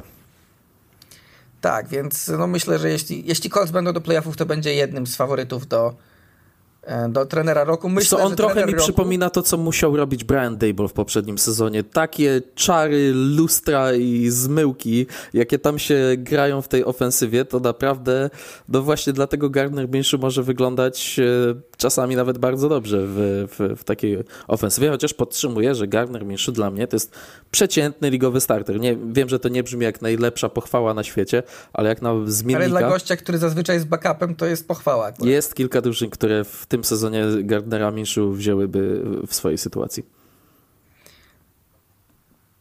Tak, wydaje mi się, że kwestia trenera roku może się rozstrzygnąć na tym, kto, kto wejdzie do playoffów w AFC, czy Colts, czy Texans. Kolejka 18, Colts kontra Texans. Tak, to może być bezpośredni mecz o playoffy, więc... Mecz o playoffy i mecz o trenera roku. Pewnie tak. Zobaczymy. Jestem sam ciekaw, jak się te. Bo o ile do MVP nie mamy w tym roku za bardzo kandydatów i musimy trochę ich sami szukać. Mhm. E, o tyle do trenera roku mam wrażenie, że jest takie zatrzęsienie, że e, co, najmniej, co najmniej kilka nazwisk, no e, Steichen, Ryans, e, czyli, czyli Dimico Ryans, czyli trener Texans tak. i Dan Campbell, czyli trener Detroit Lions E, to jest taka trójka, która jest spokojnie w każdej dyskusji. Spokojnie możemy dorzucić tam kolejne nazwiska. no Mata Leflera. Mata Lef... Tak, tak Mata, Mata Leflera wspomniałeś. E, Kevin Stefański grający czym Joe Flacco w tej chwili na rozegraniu i czymkolwiek on tam jeszcze będzie grał na rozegraniu w tym roku, bo różnie może być a mimo to Browns mają bilans 7-5 i też o te playoffy walczą. No, słuchaj, o playoffy walczą w dalszym ciągu Broncos, która, którzy akurat w tej kolejce przegrali, ale jakby po takim starcie sezonu weszli do playoffów, to i Sean Payton może być w tej, e, w tej dyskusji. Jeżeli Vikings no i... zmarzą plamę po Bears i z Joshua Dobson, wej, Dobson wejdą do playoffów, to i Kevin O'Connell ma jakieś argumenty Tak, no i będą się przewijać też y, trenerzy na pewno czołowych drużyn, gdzieś tam może Mike McDaniel, jak gdyby, tak. gdyby Dolphins na przykład byli pierwsi w konferencji, a w tej chwili są. Tak. Więc no jest, jest tych kandydatów naprawdę, naprawdę spora grupa, aczkolwiek no myślę, że tutaj duże znaczenie będą miały ostateczne rozstrzygnięcia playoffowe, do których nam bardzo daleko w jednej i w drugiej konferencji, więc... Ale to jest super wiadomość. To jest super wiadomość na miesiąc przed końcem sezonu. Colts tak jest. Colts w następnej kolejce grają z Bengals, e, potem mają Steelers, potem wyjazd do Atlanty i kończą dwoma meczami domowymi z Raiders i z Texans. Dużo z tych meczów jest do wygrania, ale Colts to jest taka drużyna, która spokojnie mogłaby wszystkie też mecze do końca sezonu przegrać. Ja po prostu trochę traktuję Colts jako, jeżeli wejdą do playoffów, to obawiam się, że to będzie taka siódemka, taka przystaweczka, którą e, Ravens skonsumują jakimś 41 do 13, albo Mike McDaniel po prostu będzie tam e, rzucał nad głowami obrony Colts i będzie po prostu... To będzie taki mecz, że jak masz jeden przegapić w pierwszy weekend e, wildcard... To będzie ten. To będzie ten, więc... Znaczy, będzie jeszcze na 100% mecz Cowboys lub Eagles kontra zwycięzca NFC South. Także ale wiesz, no, mimo wszystko spodziewam się, że tam Pamiętam, będzie Pamiętam, jak to się skończyło rok temu. No, myślę, że tam mimo wszystko może być ciekawiej. Ale a propos AFC i ważnych meczów o playoffy, to Texans pokonują Broncos, ale tracą Tankadela, e, bardzo dobrze grającego e, debiutanta na skrzydle, złamana noga. Ja mam jedno pytanie. Dlaczego mm, mierzący 1,65 m skrzydłowy jest wykorzystywany do blokowania przybiegu z jednego yarda w tej młódce pomiędzy chłopami 2 metry plus 100 kilo? Po co? Dlaczego? No szkoda, po prostu szkoda i jakoś wiadomo, że to jest taka mądrość, to jest taka chłopska mądrość po fakcie, ale ale masz, masz trzech jest... endów, których możesz tam wstawić. Odpowiedź jest prosta, no, he's got the dog in him, po prostu, to jest ta, tank del. Jak e, masz metr 65 i masz ksywę tank, no to okej, okay, może rzeczywiście. No właśnie, no właśnie o to chodzi, tank del nie wiem ile on ma dokładnie wzrostu. To tak strzelam, e... coś koło tego. A nie, 1,76 m, więc nie jest wow. jeszcze tak źle. Jest niski na warunki NFL, ale nie jest niski w ogóle. Myślałem, że jest 66. Ale to, to jest, no, generalnie mam wrażenie, że tak, że wszyscy myślą, że, to, że ten pseudonim Tank to jest taki trochę prześmiewczy, bo on jest, on się wydaje też niższy, bo jest też chudziutki bardzo. Yy, ale to jest taka trochę chyba mentalność w jego przypadku, bo on naprawdę jest takim trochę pozytywnym wariatem pod tym względem. Jak, ja, słuchaj, tyle to on ma na Wikipedii. Na pomiarach miał 5,6 e, wzrostu, czyli 168 centymetrów. A, no dobra. No, to, no, tak, nie no wiem, to jest... w, w, butach z wysokimi korkami. Klasyczne, klasyczne po, różnice w pomiarach z uczelni, żeby nikt się przed draftem nie przyczepił, tak. a tymi oficjalnymi. No, najlepsza e... historia, ale tu dotyczyło to wagi, że tak już skręcimy w dygresję. John Randall, e, defensywny, liniowy Vikings z lat 90., e, Hall of Famer późniejszy, jeden z najlepiej szarżujących graczy ze środka linii defensywnej w historii NFL. Był niewysoki, bo on jako defensive tackle miał chyba 5-10 według tej nomenklatury, żeby być cięższy, bo i tak już trenerzy mówili, o jesteś za mały, to przynajmniej bądź ciężki, to mówił, że y, taki gruby, przemysłowy łańcuch kilkukilowy sobie owijał wokół uda, kiedy szedł na ważenie, owijał go tak ciasno, żeby ten łańcuch po prostu nie, nie szczękał, żeby nie było słychać, że on po prostu idzie jak y, z, jakby ciągnął jakiś wózek z huty mm, i stawał na wagę y, i trenerzy mówili, o pięknie, jak dopakowałeś 10 funtów w miesiąc, no brawo, zrobiłeś masę mięśniową. Potem okazywało się, że dzięki temu załapywał się do składów i to był jego trik od czasów uczelnianych po załapywanie się do NFL. No jak widać wyszło, wyszło, to, wyszło to na dobre. Natomiast jeśli chodzi o, o Tankadela, to mam wrażenie, że to jest właśnie taki zawodnik o takiej mentalności, że on ma to 1,70 m powiedzmy, e, waży, nie, waży wcale nie za wiele, ale jak trener podejdzie i powie do niego, wiesz co Tank, w tej akcji blokujesz Arona Donalda, a Tank powie, dobra, idę w to. Po prostu. To jest, taka, to jest taka mentalność po prostu. Tak, no ale jeszcze w tej dywizji porażkę ponoszą e, Jacksonville Jaguars, którzy przegrywają Cincinnati Bengals. Kapitalny mecz rozgrywa Jake Browning, a urazu doznaje Trevor Lawrence. Te informacje są na razie mieszane, ale wygląda na to, że to nie jest jakiś bardzo poważny uraz Trevora, ale czy ty jesteś e, zdania, że e, no nie wiem, dwa czy trzy tygodnie absencji Lorenza otwierają drzwi dla Texans, dla Colts na zwycięstwo tej dywizji? Ja myślę, że tak mimo wszystko, bo często mówimy o tym, że, że no jak ważni są rezerwowi rozgrywający i widzimy to chociażby po Gardnerze Minszu, e, świetny mecz Jake'a Browninga e, tak. Bengals.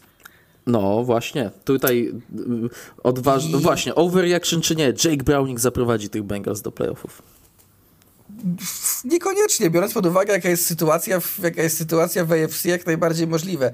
Szczególnie, że kolejni rozgrywający padają, wiesz, drużyn, które o te playoffy walczą. Tak, ja się zacząłem obawiać jednej rzeczy. Jake Browning przez 3 lata był w practice skład Minnesota Vikings. Za dwa tygodnie Bengals grają z Vikings. tak, to jest, to jest, znaczy nie wiem, czemu się obawiasz, ponieważ wynik tego meczu już jest znany.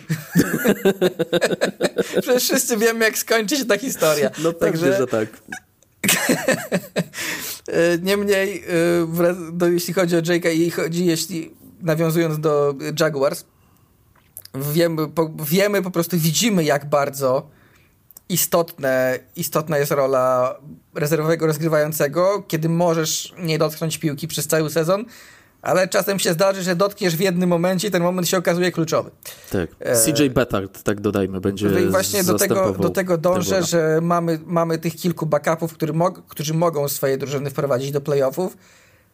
Moim zdaniem CJ Bettard takim nie jest, także...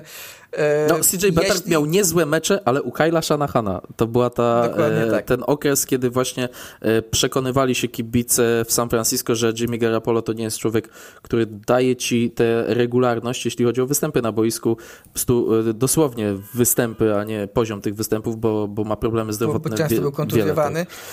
ale znaczy na pewno nie będzie to tragedia, jeśli bez CJ Bettard będzie musiał zagrać mecz albo dwa.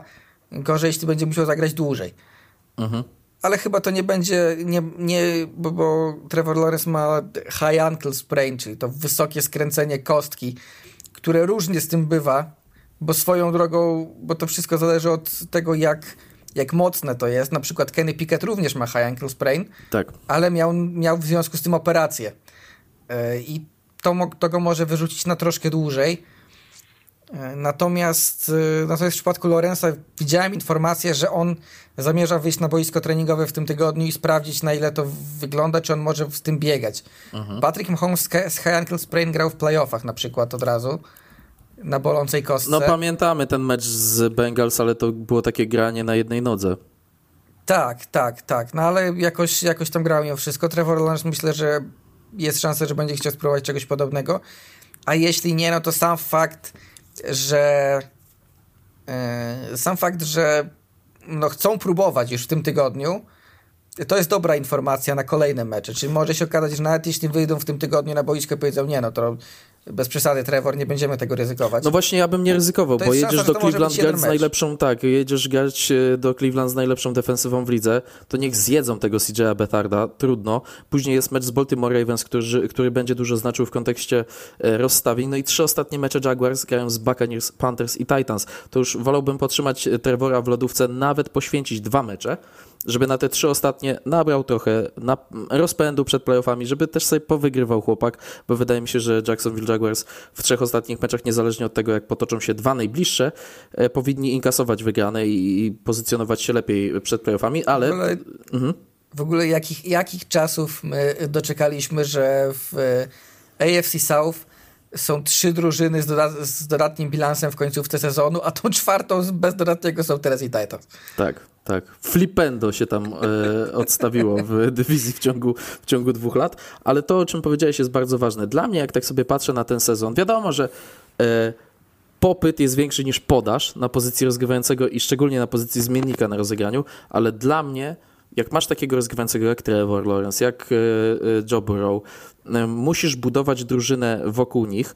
Pozycja zmiennika tego rozgrywającego w takich drużynach jest moim zdaniem jedną naprawdę z nie wiem, 10-12 najważniejszych w kadrze. Wydaje mi się, że na pewno jest ważniejsza niż, nie wiem, jakiś randomowy guard, czy jakiś środkowy linebacker, czy nawet powiedziałbym safety. Myślę, że inwestycja w dobrego zmiennika przekonujemy się w tym sezonie, może ci y, uwalić sezon albo utrzymać go na powierzchni.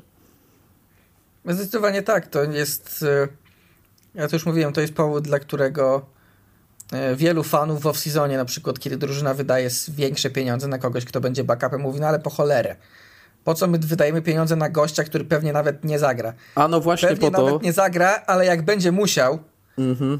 to chcesz, żeby to był Gardner Minshew albo, nie wiem, Jacoby Brissett, a nie chcesz, żeby to był Brian Hoyer na przykład. Albo Trevor Simeon, bo w ogóle patrząc na to, co się wydarzy... albo, albo ktokolwiek, kto gra w Jets, tak. Tak. No, Joe Flacco y, został wyciągnięty z formaliny, żeby jeszcze dograć ten sezon w Cleveland Browns. To jest po prostu jedna A Joe najbardziej... Flacco w ubiegłym, roku, w ubiegłym roku grał w Jets. Tak. Tak, to jest jedna z najbardziej randomowych historii tego sezonu, czyli Joe Flacco w, w Browns, ale w najbliższej kolejce, bo możemy tutaj też do tego nawiązać, Kenny Pickett wypada na kilka tygodni, w ogóle Steelers przegrywałem z Cardinals, ważny mecz i dla AFC i dla tego tankatonu, ale tak, w najbliższym tygodniu start pierwszy w tym sezonie zaliczy Mitch Trubisky, start pierwszy w tym sezonie zaliczy CJ Bettard, w Jets prawdopodobnie, tam się w ogóle odstawia znowu, Tim Boyle odsunięty, drużyna poprosiła Zaka Wilsona, żeby wrócił do pierwszego składu, on powiedział, że nie, i wygląda na to, że Trevor Simeon będzie starterem w najbliższym tygodniu, co by oznaczało... Albo Brett Rypien, którego podpisali. Matko z córką. To by oznaczało, że po tygodniu 14 będziemy mieli 56 różnych starterów na pozycji rozgrywającego w tym sezonie NFL. To zanim o Steelers, to krótko o tej y, inbie z Zakiem Wilsonem. Są dwie szkoły. Jedna mówi, hańba, nie możesz odmawiać wychodzenia na boisko. Druga szkoła mówi, przecież Zach Wilson został potraktowany jak absolutny kozioł ofiarny przez Jets jeszcze dwa tygodnie temu, zdegradowany do roli trzeciego rozgrywającego w kadrze. Dlaczego on ma się jeszcze dla nich poświęcać? Jak ty na to spoglądasz? To znaczy, w obu tych wersjach jest trochę sensu. Mhm. Natomiast z perspektywy samego zawodnika, który myślę, że będzie chciał znaleźć sobie nową drużynę niedługo, no to jak drużyna jakaś inna spojrzy na to i powie, no chcieli gościowi dać grać, a on powiedział, że nie, to po cholerę nam ktoś taki. A ja jestem, ja powiem ci szczerze, jestem bliższy tej drugiej szkoły, bo okej, okay, Zach Wilson ma swoje za uszami, tak mówiąc delikatnie, ale yy, pff, decyzja biznesowa, można powiedzieć. Znaczy tak, no i pod względem, bo tam się pojawiła informacja, że on e, odmawia w obawie przed kontuzją, Mhm. Czyli tak jakby nie chce złapać nic poważnego, kiedy za chwilę może szukać nowej drużyny. I No, to z perspektywy zawodnika ma sens jak najbardziej. Pytanie właśnie jest to, co mówię, jak będą na to patrzeć te inne drużyny, bo Znaczy, pytanie brzmi w ogóle, czy inne w drużyny NFL. już teraz, zanim ta sytuacja nastąpiła, będą na poważnie rozważać Zaka Wilsona, żeby go zatrudnić na Znaczy przyszły jako backupa? Myślę, że na pe- jako backupa myślę, że na pewno. To jest klasyczny przypadek zawodnika, który został wybrany bardzo wysoko w drafcie, więc nawet jeśli nie pokazuje nic, co by, co by świadczyło o tym, że powinien być podpisany, to będzie podpisywany, bo każda drużyna, każda, każda drużyna pomyśli, a co nam szkodzi wziąć go na backupa, może coś tam jeszcze z tego pierwszorundowego talentu No, zostało. zaświtało mi w głowie, że w przyszłym sezonie Brock Purdy będzie miał za zmienników dwóch nieudanych rozgrywających Jets. A wiesz, kogo moim zdaniem jeszcze może mieć? Maka Jonesa. Zbierzmy wszystkie niewypały jednocześnie. Znaczy, no, to, jest, to jest taka najbardziej oczywista opcja ze względu na to, że mówi się o tym, że Kyle Shanahan chciał bardzo Maca Jonesa Ale, ale podobno bardzo chciał Zaka Wilsona i skakać e, wyżej w tej wymianie. Wtedy No to doskoczył tak, do za- trójki, a nie dali e, Jets dwójki, bo z dwójką Przysz- Zach Wilson był wpisywany roku- w ciemną. W, przysz- w przyszłym roku w, w, w przyszłym roku w 49ers yy, w w 49ers yy, jako starter Mister Irrelevant ostatni wybór w drafcie, a za nim numer 2 i numer 15 I jeszcze, jeszcze, numer, 2021. i jeszcze numer 3 jako Sam Darnold, tylko z innego Jeszcze numer rozdania. 3 z 2018, tak, Sam Darnold.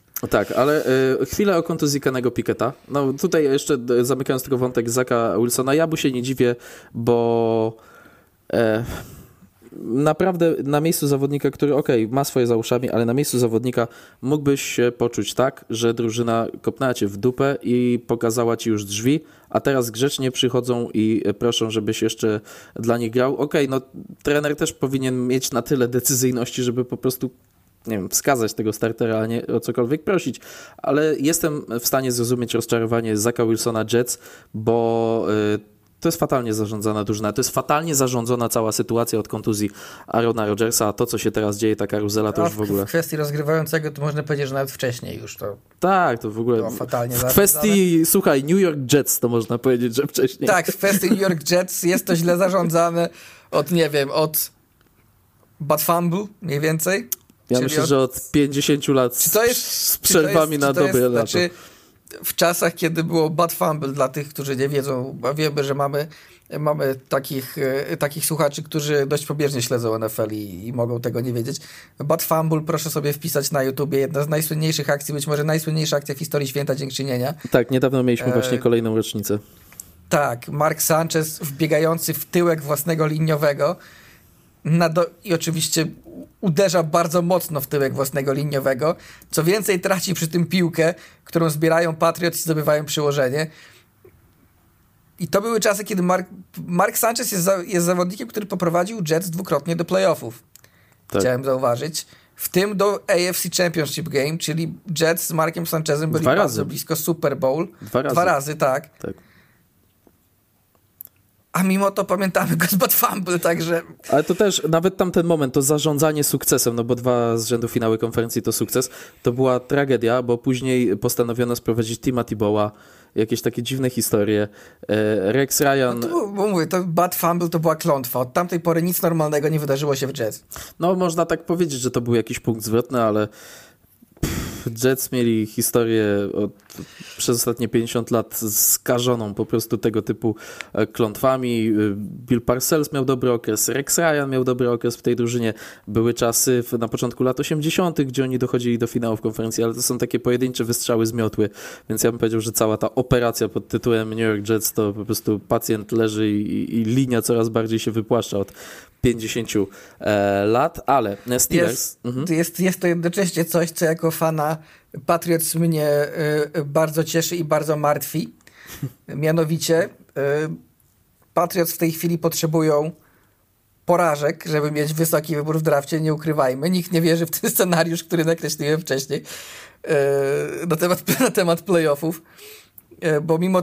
I tak patrząc na to, jak niewiarygodne rzeczy mu dzieją się w tym scenariuszu dla Patriots na playoffy, który przedstawiłem wcześniej, to i tak najbardziej niewiarygodne jest to, że Patriots wygrywają mecze. Więc y, to, to, to całkowicie zmienia wszystko. Natomiast ja mnie to martwi jako fana Patriots z tego względu, że w ostatniej kolejce Patriots grają z Jets. Możliwe, że będą musieli przegrać, żeby zapewnić sobie wysoki wybór w drafcie, jakiś top 2, a Jets powiedzą, wiecie co, gra Trevor Simeon, dzień dobry.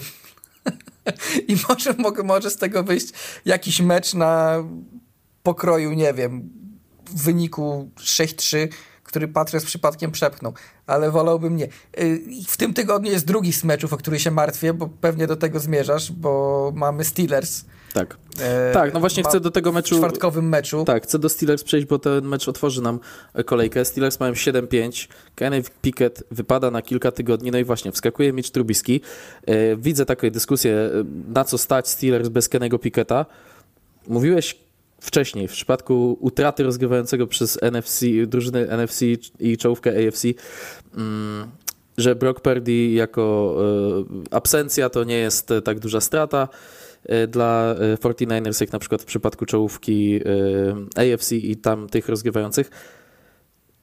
Kenny Pickett i Mitch Trubisky czy tu jest tak wielka różnica? Czy Steelers, które, którzy są bardzo zagadkową drużyną i naprawdę do, teraz i tak nie wiem na co ich stać, e, bez Kenego Piketa aż tak zyskują tych znaków zapytania, bo moim zdaniem trochę wychodzi na jedno. No moim zdaniem stracić tracą na pewno, ale nie jest to jakaś duża strata, bo Kenny Pickett nie jest aż tak mocny jak e, ci rozgrywający inni, którzy nam tutaj mają problemy zdrowotne. Z kolei Mitch Trubisky nie jest wcale tak złym backupem, nie jest taką wcale złą opcją na backup. W przypadku Steelers znacznie bardziej martwi mnie to, że nie tylko Kenny Pickett wypadł z kontuzją. E, wypadł TJ Watt, to jest e, potężna informacja. Minka Fitzpatrick. Kolejny raz Minka Fitzpatrick. A wczoraj nie trenował Najee Harris jeszcze do tego. Mhm. Także tam się po tym meczu z Cardinals przegranym posypało się naprawdę bardzo dużo rzeczy. No i nie ma, nie ma lepszego, nie ma lepszej opcji, żeby się odbić niż mecz z tymi Patriots aktualnymi. Ale przeszkadza też to, że ten mecz jest w czwartek. Tak. Czyli wszystko, wszystko ci się sypie, a dodatkowo masz mniej czasu niż zazwyczaj, żeby to poukładać na nowo. No ale z Patriots trzeba wygrać, mimo braku no muszą kadrowych. wygrać, nie ma innego wyjścia. Potem jeśli, masz chcą, jeśli nie chcą wylecieć z playoffów za chwilę. Tak, potem masz długi tydzień, mecz na wyjeździe z Colts, który, który nagle jest super, hiper Mecz, e, o- ważny. mecz o playoffy, tak. Tak, później spotkanie z Bengals i trudny terminarz na sam koniec. Wyjazdy do Seattle i do Baltimore. E, Steelers e, balansują na granicy playoffów e, z bilansem 7-5. Oczywiście jest kilka drużyn, które jest e, gorsze. E, Jest cała plejada zespołów z bilansami 6-6 w AFC, ale Steelers naprawdę muszą mocno oglądać się za siebie, ale przede wszystkim, przede wszystkim przegrali z Arizona Cardinals. Przegrali z Arizona Cardinals, którzy po tym zwycięstwie mają bilans 3-10. Zagrają jeszcze w jednym tank bowlu z Bears, ale Cardinals wykolegowali się z czołowej dwójki draftu. Obecnie w tym tankatonie zajmują e, trzecie miejsce. Ku uciesze fanów e, Bears i Patriots, to właśnie te dwa zespoły w tym momencie mają prawo do wyboru dwóch najlepszych rozgrywających w przyszłym sezonie. E, no ale po prostu taka porażka nie przystoi Steelers i to sprawia, że to jest dla mnie bardzo, bardzo zagadkowa drużyna. No, W meczu chyba też trzy razy przerywanym przez deszcz swoją drogą. tak, tak, tak. Tu był revenge game, bo James Conner przebiegł się po, po swoich byłych kolegach z Pittsburgha, ale Steelers zaliczają takie, no nie wiem czy trudne do wytłumaczenia, bo niektóre da się wytłumaczyć porażki, ale wysokie e, też poniekąd. Na początku sezonu e, 7 do 30 z 49ers, 6 do 30 z Texans. E, przegrali też z Jaguars, przegrali jeden mecz z Cleveland Browns, e, zdobywając e, 10 punktów. Za każdym razem, kiedy przegrywają, to zdobywają punktów mało, bo to było 3 razy po 10, dwa razy, raz 6, raz 7, teraz też 10 punktów. 10 punktów przeciwko Arizona Cardinals. No to jest dramat, po prostu. E, ten e, sukces po zwolnieniu Mata Kanady i przebicie 400 yardów e, to był sukces krótkotrwały, bo teraz wrócili e, na, na poziom zero w ofensywie Pittsburgh Steelers i tam trzeba prze, przekazać stery Mitchowi Trubiskiemu. Mm, Moim zdaniem dużej różnicy nie będzie, ale tak jak słusznie zauważasz, tych e, absencji jest więcej i Steelers e, po prostu utrudnili sobie sytuację. To są dwie porażki w trzech ostatnich meczach i wcale nie, e, wcale wcześniej swoją grą nas Steelers nie przekonywali. No a Cardinals, mówiliśmy o tym przy okazji ostatniej dyskusji o Tankatonie, to jest drużyna, która potencjalnie może pominąć wybór, wybór rozgrywającego. Patrzę na Kylera Mareya, patrzę na Jamesa Connera. Jest Trey McBride, bardzo dobry tight end, e, jak się okazuje w tym sezonie. Gdyby tam dołożyć taki młodszy klon Larego Fitzgeralda, to może, to może... Ja tak, zdecydowanie. Przede wszystkim tu można się zaśmiać, że e, to nie tyle Cardinals sobie, e, sobie, sobie psują szansę na wybór rozgrywającego, tylko Y, Kyler Murray mówi, nie, nie, nie, nie, nie, nie, nie żadnego rozgrywającego wy mi tu nie będziecie wybierać, ja tu zostaję. Mhm. I tr trochę tak to wygląda po jego powrocie. Zresztą myślę, że Cardinals, jeśli Kyler Murray będzie grał wystarczająco dobrze, a gra dobrze, to ta drużyna generalnie nie jest w tej chwili gotowa na, na jakieś serie zwycięstw, więc nie jest tak, że oni tu coś wygrają, tu coś przegrają i to jest wina Kylera. Nie, Kyler gra Kyler gra tak, jak Kyler grał, można powiedzieć. To, to niewiele się zmienia, czyli jak zawodnik, z którym spokojnie można e, o przyszłości trochę myśleć. No, ale jeśli takiemu Kylerowi dorzucisz właśnie Marvina Harrisona Jr., a jakby się jeszcze okazało, że Cardinals wygrają trochę więcej i będzie to wybór minimalnie dalszy, to dorzucisz mu ofensywnego takla drugiego z prawdziwego zdarzenia po Parisie Johnsonie w ubiegłym sezonie, no to może się okazać, że ci Cardinals idą powoli w naprawdę, e, w, w naprawdę dobrym kierunku, mają dwie pierwsze rundy w przyszłym roku, jest na czym budować, na pewno jest na czym budować. Ta atmosfera wokół Cardinals jest czystsza, powiedziałbym chyba. Tak, mi, tak mi się wydaje. E, po tym, jak zostali wymienieni head coach i generalny menadżer. E, mówiliśmy, chwaliliśmy Montiego Osenforta za to, co zrobił z draftem. Nawet, nawet jeśli się okazało ostatecznie, że Houston Texans e, no, będą mieli znacznie niższy pik niż się spodziewaliśmy, bo wystrzelili, no to, to i tak warto. Jak najbardziej taka powolna budowa się rozpoczyna w Cardinals. Nie ma tam w ostatnim czasie żadnych dziwnych sytuacji, które by tam stamtąd dobiegały, jak chociażby rok temu. I ta informacja o tej dziwnej klauzuli w kontrakcie Kylera Murraya o tym, że musi tyle i tyle filmu oglądać e, w danym tygodniu, bo więcej grał niż, ogl- niż Tak. się przygotowywał do meczu. W końcu nikt nie wyłącza PlayStation Kylerowi.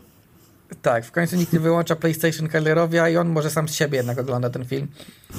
A może, może czas na, może w, nie wiem, może w ciągu kontuzji tyle się nagrał w to Call of Duty, że stwierdził, dobra, już mi się nie chce. To chociaż, to, to chociaż się pouczę. E, po, pouczę, po, pooglądam, pooglądam film. Mhm. E, ale w, no, wydaje się, że to wszystko idzie w dobrą stronę i wydaje mi się, że no, dużo zależy od tego meczu z Bears, który będą mieli, bo reszta, ty, reszta tych meczów jest bardzo trudna dla nich, nawet jeśli będą grali dobrze. Więc jeśli wygrają z Bears, to raczej na pewno nie będą mieli wyborów top 2. A Bears mogą mieć dwa wybory w top 3 wtedy. A Bears mogą mieć dwa wybory w top 3 wtedy. No tak, no taki off-season powiedzmy Caleb Williams i Marvin Harrison Jr. w jednym drafcie, no to to może odmienić los drużyny, naprawdę. Nawet jeśli to są, nawet jeśli to są Bears, którzy wiem, że z tymi odmienie, odmienionymi losami mieli problemy w ostatnich latach. No, ale z tym końcu, odmienianiem losów, o tak. W końcu, w końcu los może się do Bears uśmiechnąć. Jeśli chodzi stricte o wydarzenia tej kolejki, to jest e, tyle w tym odcinku, ale Kuba, raport z Survivora to raport, w którym powinny wybrzmieć fanfary, bo mamy mistrza sezonu 2023 w Survivorach e, NFL po godzinach. W drugiej dywizji już e, nikt się nie bawił, o tym mówiliśmy ostatnio. W dywizji pierwszej pozostawało nam trzech graczy. Chargersik, Cinek i Marplu. Cinek i Marplu postawili na Jaguars i przegrali, a Chargersik postawił na Chargers i wygrał Survivora. To jest największy sukces Chargers w historii. Słuchaj, jak, jakże poetyckie, że po prostu Chargersik stawiając tak. na Chargers wygrał Survivora. Tak. Znakomite. I, I to Chargers, Znakomite. jeszcze ze wszystkich drużyn Chargers, którzy, no kto jak to, ale wy, wytypowanie Chargers to może ci tak wypalić w twarz w tego typu zabawy. Znaczy, no grali z Patriots, tak, więc no ale to jest tak, o Jezu, to, to, jest takie zwycięstwo, jest, ja bym się czuł tak brudny na miejscu Brandona Staley'a. To jest klasyczne, to jest klasyczne stawianie przeciwko komuś, a nie za kimś. Tak, ale na miejscu Brandona Staley'a ja bym się czuł brudny. 6-0, to nie wiem, w piłce nożnej się zdarza nawet 6-0, a tutaj w meczu futbolowym, jednym z najgorszych w tym sezonie, Chargers się po prostu prześlizgują no ale dają naszemu słuchaczowi, naszemu Chargersikowi zwycięstwo w tegorocznym e, Survivorze. Zachęcamy Cię, drogi słuchaczu, jeżeli cały czas nas słuchasz, do tego, żebyś obstawiał e, w następnych kolejkach, bo ja będę zerkał do Survivora, tak, do dywizji ja, ja nawet zerknąłem i mogę, i mogę klasycznie powiedzieć, e, kto jest najczęściej wybierany. Mhm. W, w, w tym tygodniu. No i w sumie nie są to niespodzianki, są to też mecze, na które ja bym chętnie postawił, gdybym jeszcze grał. E, najwięcej, 28% Packers na Giants. Tak. Nikt nie stawiał na Packers w pierwszej części sezonu, bo to była zagadkowa drużyna, ale ci aktualni Packers przeciwko Giants brzmiał jak całkiem pewny typ. Mhm. E, na drugim miejscu 21% Steelers na Patriots. Tak samo. No, też stawianie przeciwko Patriots, tak. więc to w zasadzie jest to samo. 20% Texans na Jets. Też nie jest to wielka kontrowersja, patrząc co się dzieje w Jets z rozgrywającymi. I jeśli z tych, z tych częściej wybieranych wyborów powyżej powiedzmy 10% i są jeszcze Saints na Panthers. No tak, no tak, tutaj rzeczywiście. Tutaj, tutaj, przyznam, tutaj przyznam, że czuję się trochę gorzej niż z pozostałymi wyborami, bo Saints potrafią przesańcować w ostatnich tygodniach i robić głupoty. Natomiast Panthers są drużyną, która przegrywa, ale mam wrażenie, że oni w każdym meczu przynajmniej przez chwilę są w grze. Więc i tak nie grają dobrze, ale no nie jest to poziom bycia złym pokroju właśnie Patriots czy aktualnych Jets. Tak. Więc y, może się okazać, że to taka trochę pułapka, dywizyjna w dodatku, a zawsze mówiliśmy o tych meczach dywizyjnych, jak to z nimi jest. Tak jest. No, tak czy inaczej, gratulujemy Chargersikowi poetyckie zamknięcie e, rywalizacji w dywizji pierwszej naszego Survivora. E, jesteś zwycięzcą Chargersiku, ale graj dalej. Będziemy zerkać, czy grasz, jak tam ci idzie. Być może to już punkt honoru teraz, żeby dobrnąć do samego końca suchą stopą. To byłaby wielka, wielka historia. W tygodniu 14 odpoczywają Commanders i Cardinals. To ostatnie drużyny, które mają do odfajkowania bye weeki e, w obecnym sezonie. Thursday Night Football kolejkę rozpoczyna. To jest mecz Steelers u siebie z Patriots, a następnie niedziela, godzina 19. Najciekawiej zapowiadają się takie mecze jak Ravens kontra Rams, Browns kontra Jaguars, Falcons kontra Buccaneers, bo tutaj nie możemy zapominać, że NFC South jest jeszcze do rozstrzygnięcia, Jets kontra Texans, chociaż tutaj głównie z uwagi na szanse Texans i Bengals Colts. Naprawdę ważny mecz y, w kontekście cały czas tej rywalizacji, szalonej rywalizacji w AFC o dzikie karty, o której sobie dzisiaj dużo powiedzieliśmy. Po godzinie 22 kapitalny zestaw spotkań. Chargers Broncos, 49ers e, Seahawks, Raiders Vikings i Kansas City Chiefs kontra Buffalo Bills. To jest na pewno mecz, który trzeba wziąć w kółeczko w niedzielnej serii spotkań. Sunday Night Football. E, jeżeli ktoś ma Game Passa, to warto e, obejrzeć z odwyki. Jeżeli ktoś posiłkuje się innymi źródłami, to warto zarwać noc. Cowboys grają z Eagles w przeciekawym meczu ważnym dla dywizji NFC East i dla całej konferencji NFC. I mamy rzadki przypadek, podwójne Monday Night Football. Dwa mecze w nocy z poniedziałku na wtorek czasu polskiego, właśnie mecz Giants-Packers i mecz Dolphins-Titans. Wchodzimy naprawdę w decydujący moment sezonu, w ostatnie kolejki. Będziemy bardzo często w NFL po godzinach odwoływać się do tej rywalizacji. Będziemy e, sobie też wymieniać drużyny, które już e, stracą matematyczne szanse na cokolwiek. Na razie jedyną taką są e, Carolina Panthers. Machamy im na pożegnanie i w tym sezonie podejrzewam, że już nie będzie pretekstu, żeby w ogóle o nich wspomnieć w NFL po godzinach, ale w następnych kolejkach niektóre drużyny mogą już przyklepywać awans do playoffów. Widziałem, że Cowboys mogą przyklepać w tej kolejce. Musieliby pokonać Eagles i chyba sześć innych drużyn musiałoby przegrać. Czyli wiadomo, że to na tym etapie sezonu. No, tak, jasna sprawa. Ale już, już niektórzy są o zwycięstwo, czy takie o półtora zwycięstwa od przyklepania swojego biletu na rywalizację w playoffach, także będziemy na tym e, się skupiać. Dzisiaj odcinek był nagrywany w Mikołajki, więc potraktujcie to jako taki spóźniony, e, spóźniony, dlatego, że zazwyczaj odcinki nagrywamy we wtorki, ale spóźniony, ale trafny w Mikołajki prezent dla Was. Odzyskałem internet, e, kabel światłowodowy spisuje się znakomicie, podciągnąłem go i wszystko hula i buczy, więc w przyszłym tygodniu nie przewiduję już żadnych, żadnych wywrotek wtedy sobie nagramy e, odcinek po tygodniu 14. Zobaczymy, co ten tydzień 14 nam przyniesie, a Was cały czas zachęcamy do tego, żeby nas wspierać na Patronite. patronite.pl ukośnik NFLPG. Ważna, ważna informacja. Znalazłem sposób, jak wyciągnąć ludzi z czyśćca, więc jeśli e, więc jeśli ktoś jeszcze w nim siedzi, a pokazywało nam dwie osoby, bo jedną wyciągnąłem, czyli jeśli po prostu kliknęliście w link, aktywny link, i pokazuje wam cały czas, że czekacie na przyjęcie, to nie ma takiej możliwości, że czekacie na przyjęcie, bo ja przyjmuję wszystkich na bieżąco. Mhm. E, jeśli taka jest opcja, to znaczy, trafiliście do tego czyśćca, ja nic z tym nie mogę zrobić, więc odezwijcie się do mnie i ja sobie, ja sobie z tym poradzę. Mamy 77 patronów. Cel setki po tygodniu 18 e, w sezonie zasadniczym NFL jest cały czas y, na dobrym kursie, więc y, pomóżcie nam w tym. Zapraszamy do wspierania nas na Patronite, zapraszamy y, co za tym idzie do grupy dla patronów. No i cóż, słyszymy się po tygodniu 14. Na pewno będziemy rozmawiać o starciach Cowboys, Eagles i Bills i Chiefs Bills, a co poza tym, no to już niech historia napisze się sama. Tyle jeśli chodzi o odcinek po tygodniu 13. Żegnamy się, życzymy Wam e, ładnych prezentów mikołajkowych i wszelkich e, w najbliższym czasie. No i niech ten grudzień przynosi jak najwięcej też pod względem futbolowym. My będziemy trzymać rękę na pulsie w NFL po godzinach. Do usłyszenia. Cześć.